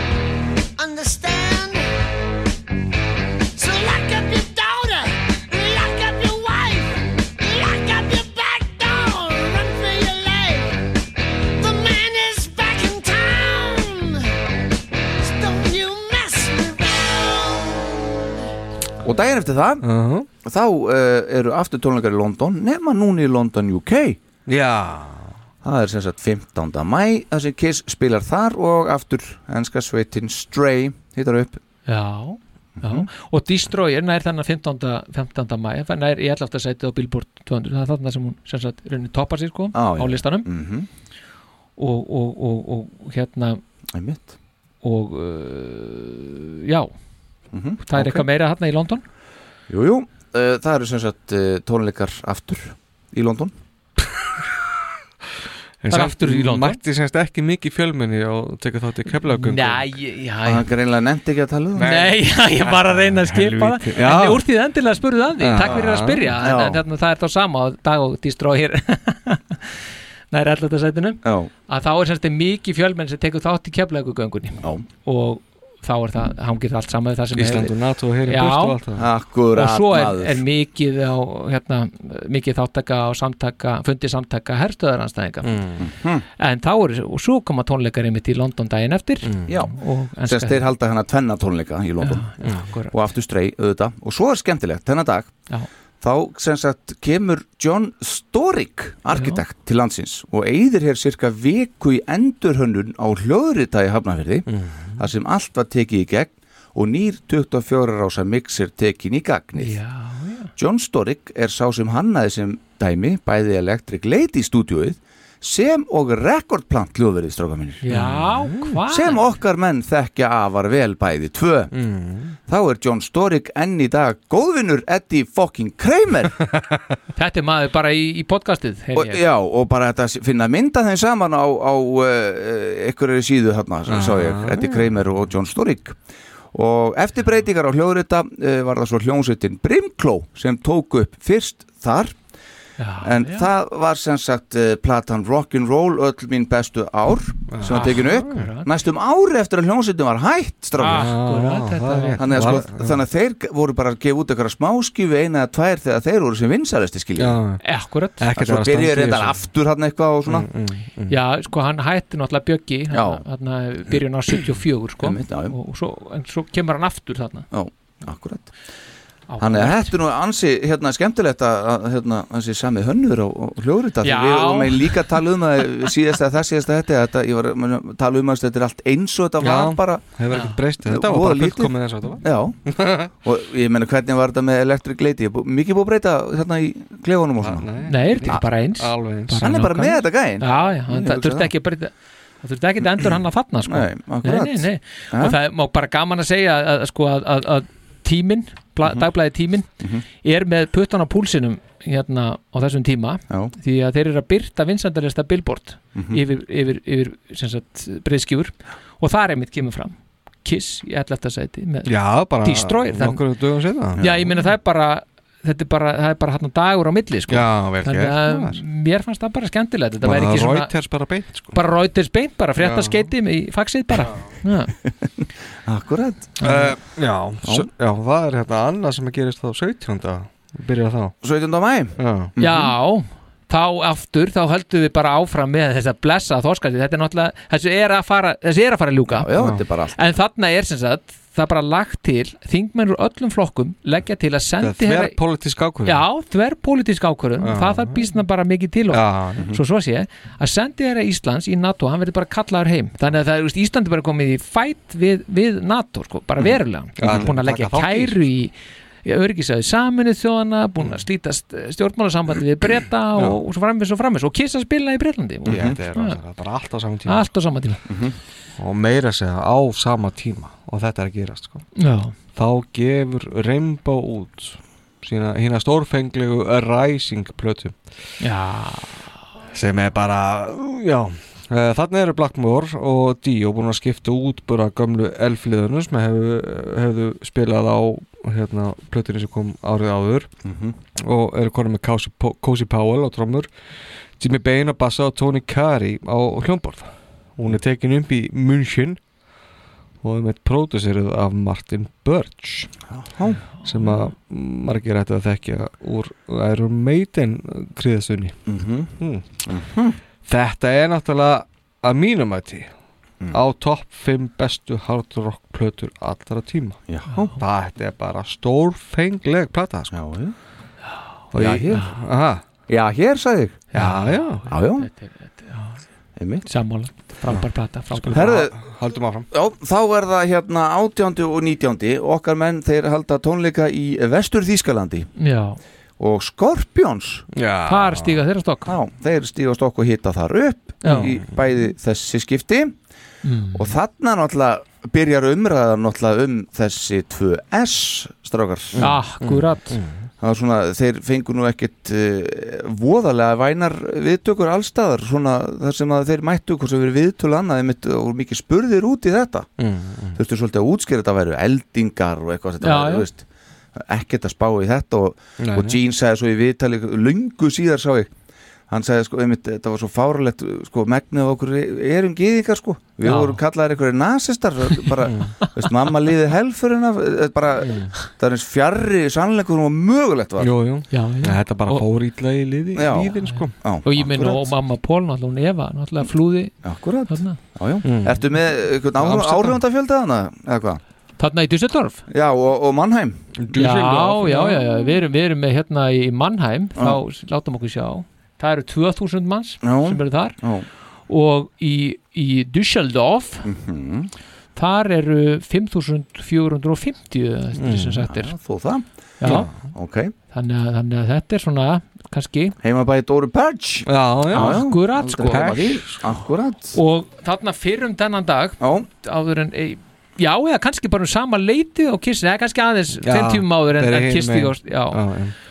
tveim tímum áður en kisti úr á stokk Mhm. þá er fyrsta skóplustungan á húsi vestlunarinn að tekin hérna í kringlumýrin í Reykjavík sko. já, stóra F-merki Já, stóra Já, F-merki nefnilega, Einmitt. og þetta er sem sagt, þetta er hugmynd sem kom fyrst fram árið 1972 þegar, að, þegar að sem sagt, samtök stopnan, samtök innan vestlunarinnar og, og stopnanir innan vestlunar og vestlunarstjettin þeir lögðu sagt fram þessa hugmynd já, þungu pakki þarna. Lögðu fram þessa hugmynd um að byggja svona sameinlegt hús. Og þetta er fyrsta byggingin til að rýsa í hinnum nýja miðbæ í Reykjavík eins og hann var kallar á þeim tíma Já. sem síðan var síðan kringlan og, og Einmitt. hérna. Það er skeifan í dag, það ekki? Nei, nei, það, það er, þetta, þetta, er kringlan og, og það sem kringlan Já, hann er og- að meina nýjum miðbærin sem skeifar en dag, ekki? Já. það ekki ah. Þetta var kallaður nýjum miðbærin Já, og núna í dag, já. Núna sé nýjum miðbærin skeifan. Ég veit ekkert um en, það. en, já, já, heyrðu, við förum bara í 20. astam Já, já.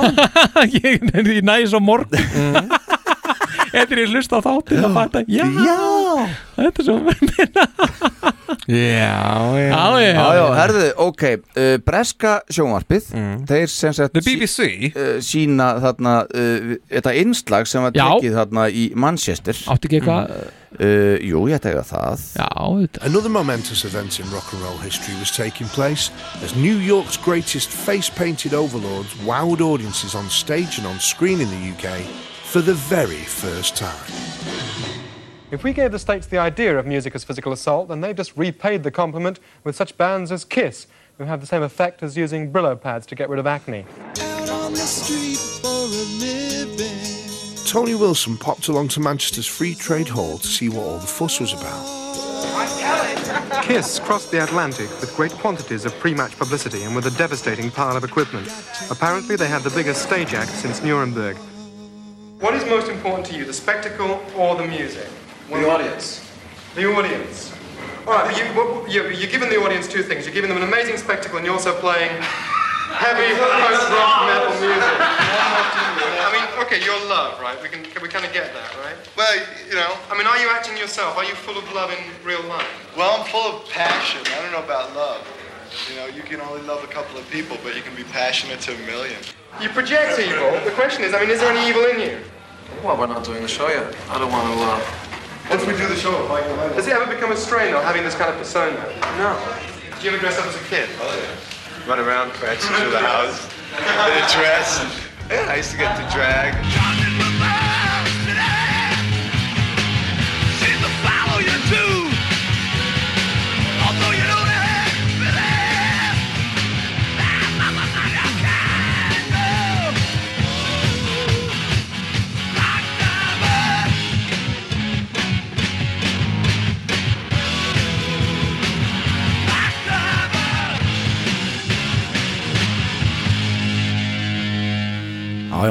Smá svona tóndæmi Þetta er- sko. Þetta er, þetta er geggjað Mm.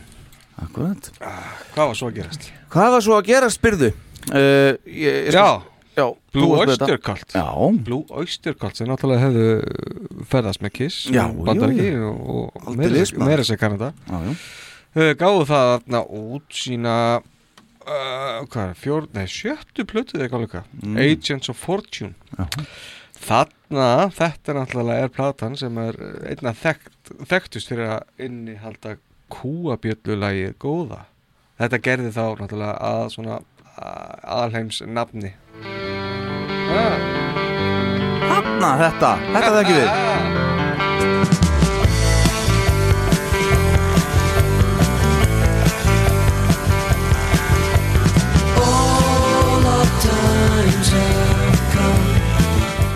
Þetta er geðveitt lag sko Já, já, já.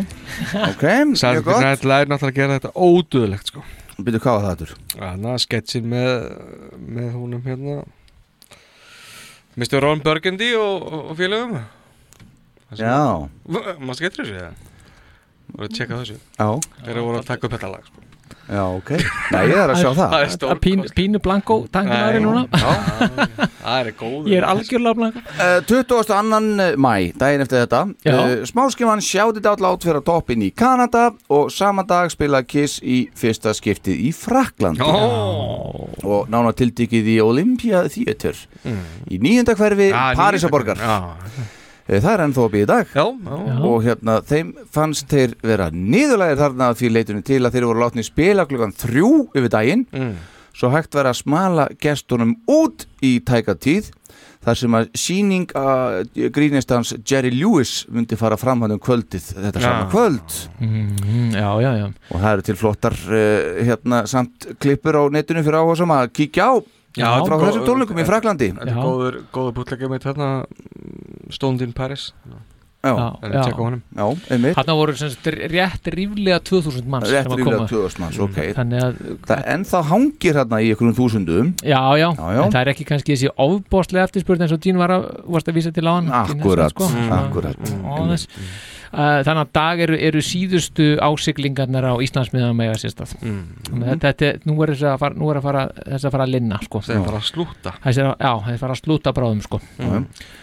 Já. 23. mæ, þá eru tónleikar í já. Amsterdam, ekki, ekki Siggodóm samt Ekki Sigurdóm, Og ekki síðasta skipti. Og ekki síðast skipti heldur Nei. nei. uh, Hollenska sveitin Finch hittar upp þarna Áhörða tölur Star Power Já, þarna er 1400 manns. 1400 Já, Já, aðeins farið að halla. Aðeins farið að hallunda fæti sko. Já, já.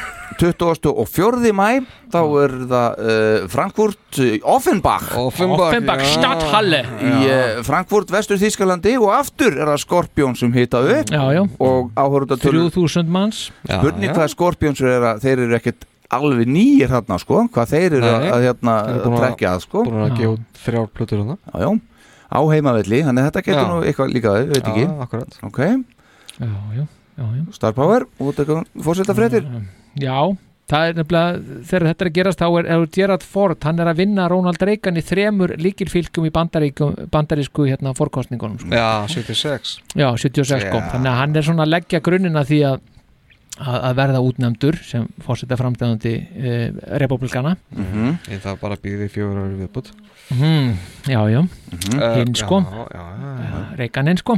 Og svo náttúrulega fara Nei. menn yfir til Svo fara menn til yfir til Svíðar ekki? Í, jú, svo heldur betur. Að 27. mæ eru tónleikar í Gautaborg. Göteborg. Í. Skandinavíum. Já, og þarna, er, þarna eru fara vegar upp í 4500 sko. Þeir eru alltaf helvíti sterkir í Nor Norðurlöndin að gefa Já, já, já, helvíti uh, UFO daginn eftir 27. jú- mæ Nú, banna að láta heita á UFO Varstu maður að því? Nei. Já, NASA er að breyta því, nú að hætta að kalla þetta UFO Já, það er eitthvað rétt, ég, ég sá eitthvað um það að daginn. Að því að fólk, það skamma sér svo fyrir að hafa sagt að hafa séð UFO Mm. þá að fara að gera þetta eitthvað jákæðara og með aðra ímynd og ég man ekki eitthvað. Þetta var í útarpinu ja, alltaf leið, en bandi heitir ennþá. Já, það verður ekki breytt. Nei, nei. Uh, Gáðu plötuna No Heavy Pen Mhm. No Heavy Pen uh, Sami Hagar og Stíli Dan gefa einnig út plötur þennan dag Já, hér mm.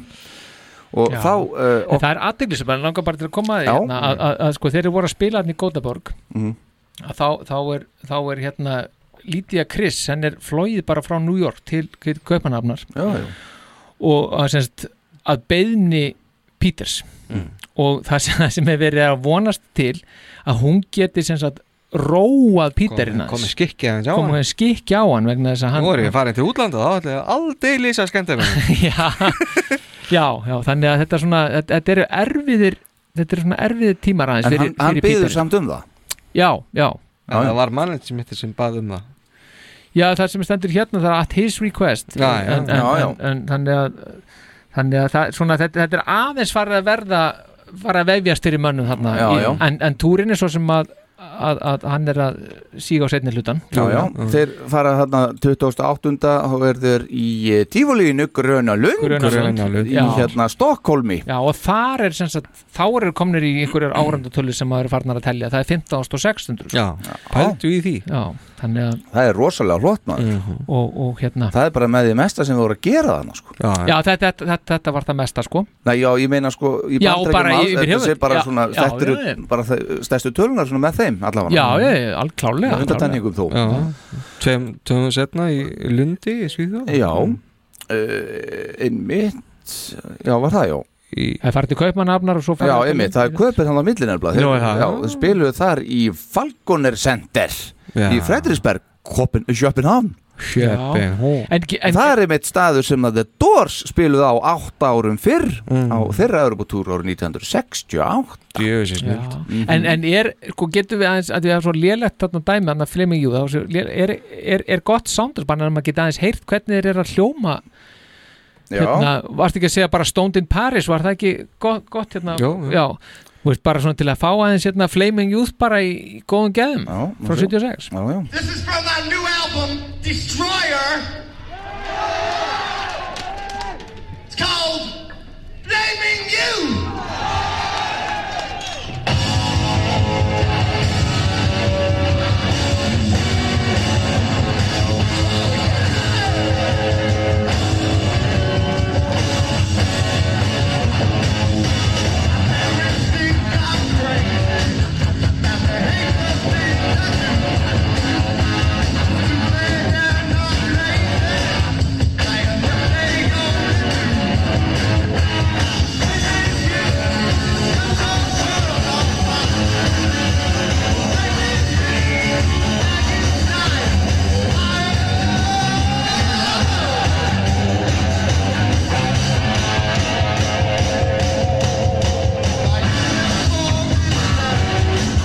Ykkur, þetta er sko þrjú að degi til. Þetta er náttúrulega, þetta er fúlt sko. Já, það er Hvað mæta til Hvað var Parísar. þetta, 1500 manns? Það er 2500 Nei, 1400 1400 Já, manns, já. helvíti. Í París.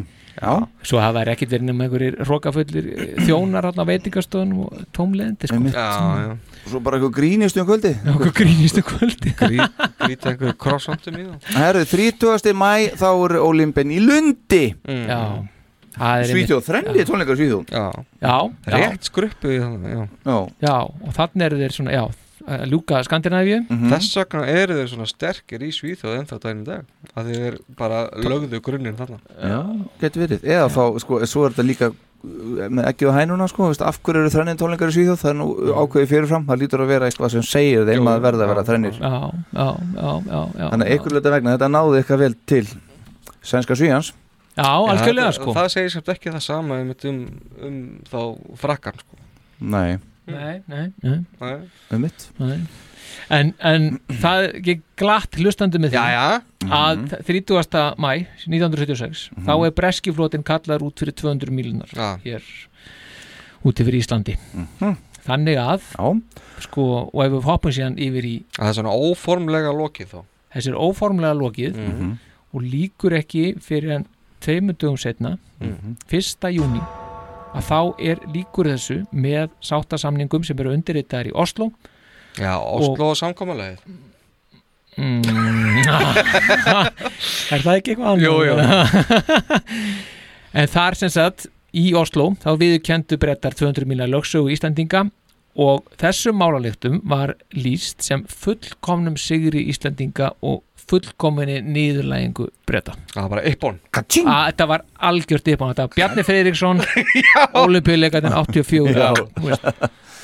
Herðu, annan júni Tónleikar í Vókshaus Já. Í Súrík. Sviss. Þetta var nú bara eins og bara Innfættur Innfæddur. Já, samlega. já. Þetta eru svona með minnstu tólningum þeirra á, svona, á þessum fyrsta uh, en þó alls ekki síðasta Europatúr Nei. um 1200 manns ekki satt voru þarna saman komin. Það orðið rýrt uh, Já, þá Hva, er Hvað var ferðin það svona eins og hér sko Hvaða staður tekur 1200 manns Tekur NASA 1200 manns eða? Já, ég meina, sko, þú kemur alveg ég man eftir því bara svona nær Það er Háskólabíó og eitthvað svoleiðis. Það, sko, hvað Nei. margir þar? Aftur, Er ég man þetta ekki, ekki- það, sko, það, þú getur verið með alveg mun eftir sjallan á makurri já, já, já. Já, það er alveg sko léttilega 1200 þar á stútvöldu húsi sko. já, já, já. Þannig, já, já Herðu, ok, það eru þá uh, aftur vestur Þýskaland, stráka mínir.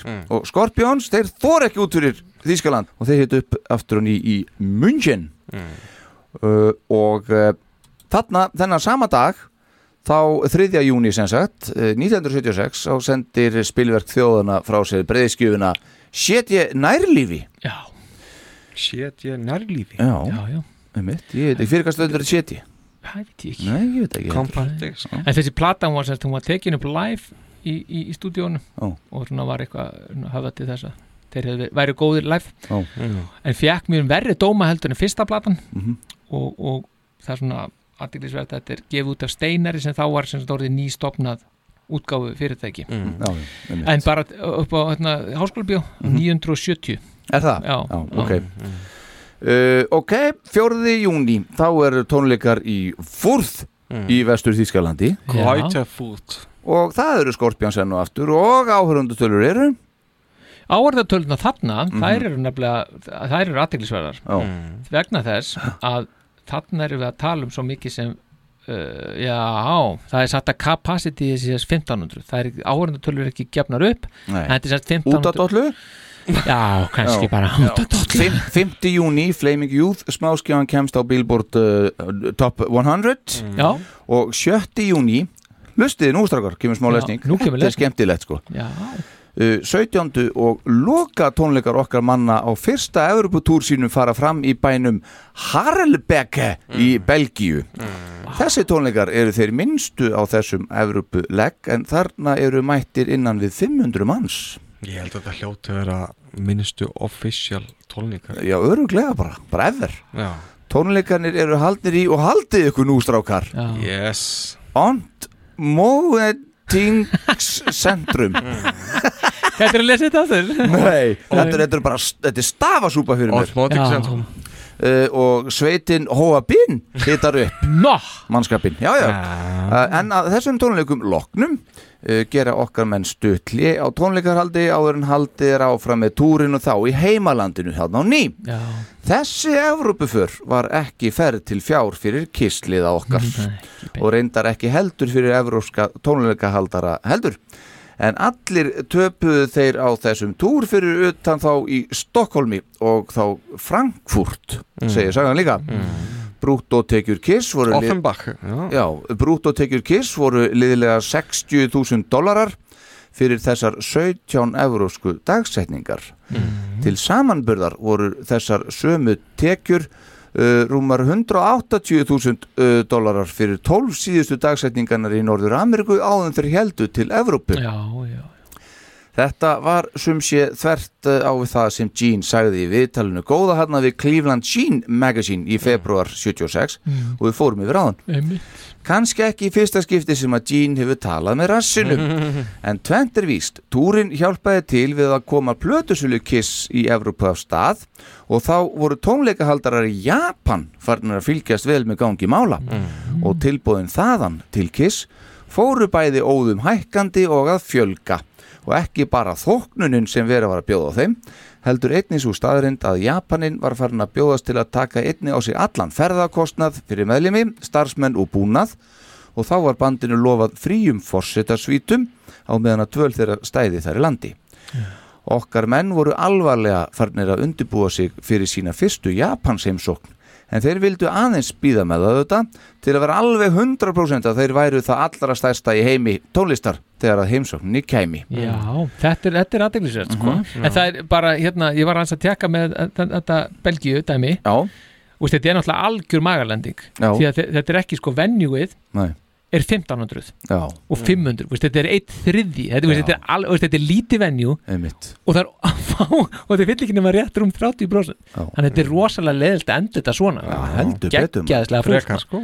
og 7. júni þá fljúa Kiss heim til bandarækjana með óbræði munni eftir þessa fyrstu heimsók til Evrópu að stóru leiti en ekki öllu þetta Já. uh, Pól sagði síðar uh, um leið og við lendum heima og hata í Evrópu við vorum stórt nafn í bandarækjanum en við vorum ekki neitt í Evrópu svona heilt yfir, fyrir utan kannski England, Já, segir hann. og vond- vondur matur. Uh, Já, okkur leið eins og við værum á byrjunarreit og þurftum að sanna okkur alveg upp og nýtt í Evrópu. Ég held að það bara, jafnvel bara verið staðan sko. Já.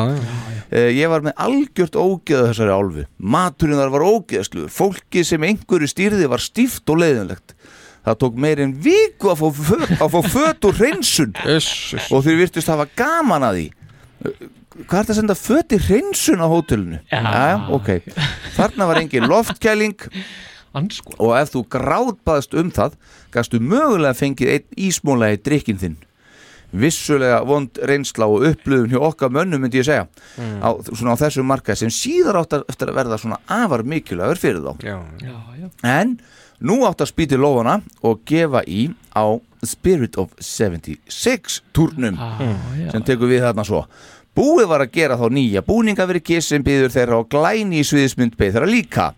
Þeir gátt ekki beði eftir að komast af stað innan bandaríkjana þar sem þeir leið eins og þeir væru nú eitthvað. Jú. Já, já. Mitt. Eh, 12. júni, Gene skelli sér á tónleika með hljónstinni Van Halen á uh, The Gazaris nætuklubnum í LA að beðni útvalsmannsins Rodney Bingenheimer Bingenheimer. Já, já, já. uh, á, sem var á LA stöðunni og nú maður þú segja þetta eins og þetta að lesa stef og L-A-K-R-Q-O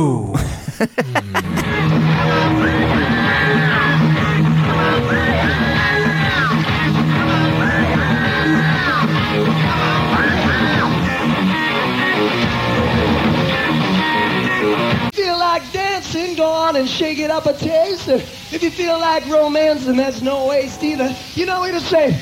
I want to thank Rodney Bingenheimer, where I see his hair right from here. Hey, Rodney's the man who brought us in here on the first try, so we say thank you to him. And you can hear him on KROQ now. Speaking of Pasadena, he's going to be a good man on KROQ every Sunday night, and he's broadcasting right from the old hometown. So give him a listen here. We love you, Rodney, and we're going to show our love for you by Þetta er semst bara tekið upp á þessum tónleikum kallið minn Já. Þetta var Van Halen Þetta var Van Halen Gene, hann tók sem sagt uh, svo þarna upp í framhaldinu ykkur hátt í 30 lög sem demo með bandinu Van Halen Mm. sem ganga undir nafninu Zero Demos Mm. og Gene, hann stingur svo upp á því að bandið breyti nafni sínu í The Daddy Longlegs sem er að agalegt nafn Móðalegt nafn Veitu, átt hann ekki demo sem ég hétt þetta? Áttu Gene? Já, mér Alveg minnir það. öruglega, Já, já. hann stingur upp á þessu frábær hugmynd en þeir verða ekki við þessu þetta Nei, gott já En það var svo þegar að Casablanca útgáfan tilkynnti Gene að þetta band myndi aldrei ná neitt uh, langt og aldrei meika það. Þeir ættu enga möguleika til þess og þess vegna ætlaði Casablanca sér ekki að sæna þá og Gene hætti þá afskiptum við verkefnið. Mm. En svo er þetta að finna hana, fullt af alls konar demóum hana á netinu þetta sem að Gene tók upp með eh, þessum, þessi Zero demo sem hann tók upp með Van Halen.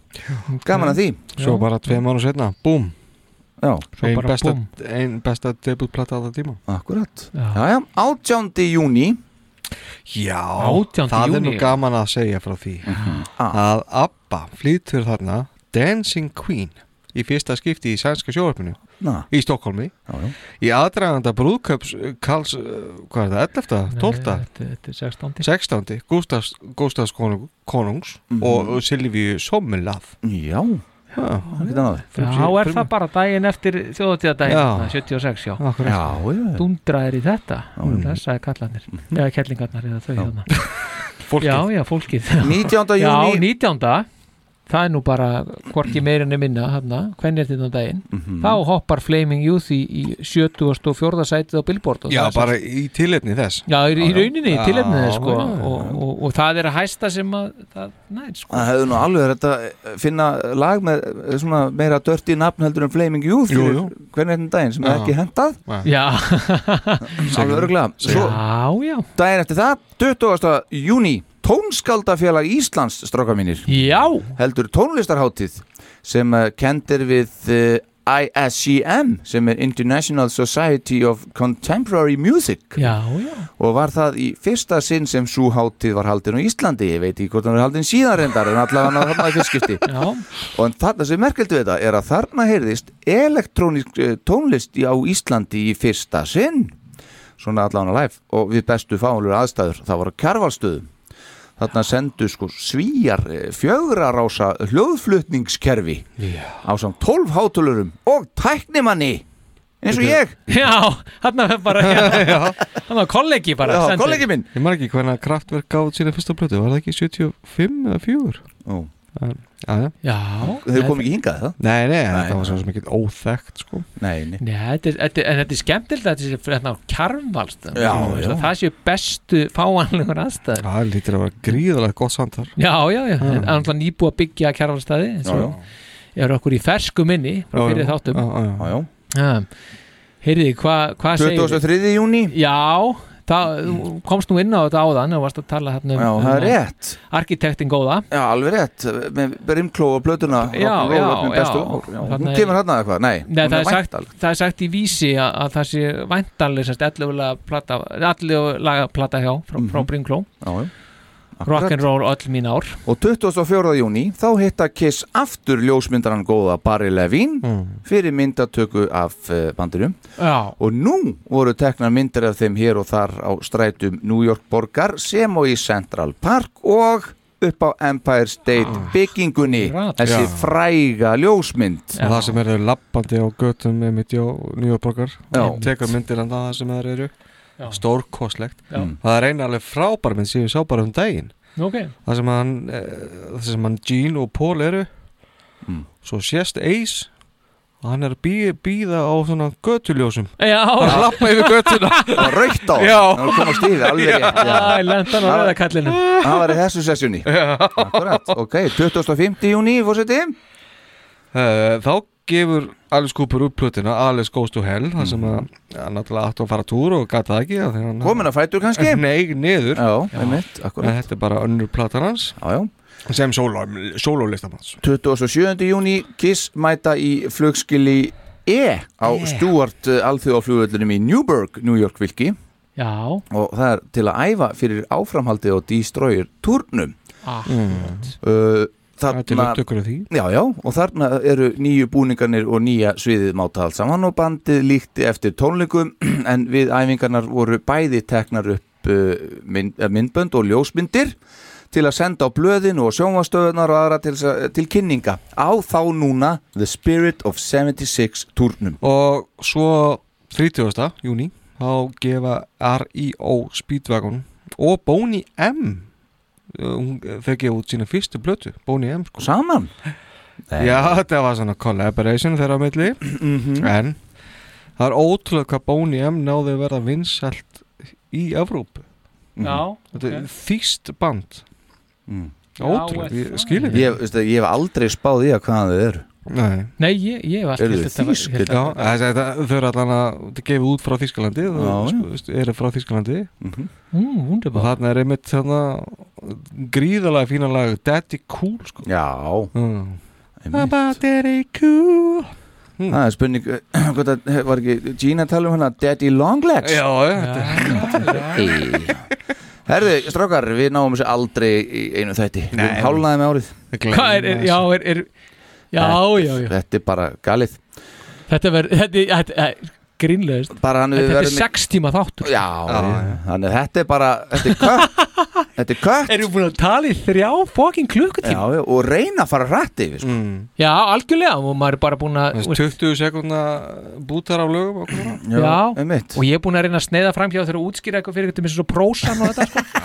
en, en, en, en strákar, viljið þið fá prósan? Já, ok Já, ég- það. ef En þú- getur ekki bætt honum bara við, hva- Hvað ætlar að gera af tegnum Ætlar að skera át eða Já, við endum bara á lægi Hey- og svo heyrum- höldum við bara áfram síðar Já, Já, það er bara svoleiðis Heyrum að prósan Já. Hvað það Já, er sko, sko, hérna kemur bara Mhm. Sko, það sem ljóð gera er að þau nýta sér fegur og áhrifam á tungumálsins til að miðla hugmyndum eða tilfinningum á frjálsari hátt en prósi getur lift sér Hvað er prósi, spyrir þú? Mm. Prósi er það sem þú ert að lesa núna eða sem, sem ég er að lesa núna. Mm. Samfeldur venjulegur texti sem fylgir umferðarreglum um stafsetningu, greinamerki og ímislegt fleira. Venjuleg samtöl eru líka prósi. Mm. Ljóð eru frjálsari en prósi. Í ljóði má gera ímislegt sem ekki þætti gott í samfeldum texta. Já. Þar hafið þið það, menningarsnöðu grindvíkingarnir ykkar. Já, en byrju Wow! Já. En, en byrju, en hvernig, ég skil ekki ennþá hvernig þetta kemur heim og sama við hérna, þetta, þessa tónleika þarna í Og ljóða lestur Ljóðalestur? Já, ljóðalestur, já. Já, sko hjá, hjá hérna skáldónum, Mm. vondu skáldónum hvernig það kemur heim og saman? Já. Jú, þeir eru, voru að flytja ljóð og prósa, sem er samfelldu texti eins og ég er að tala núna Já, já, já, já. og þeir spiluðu eigin tónlist undir Já, já, já Mm. Mm.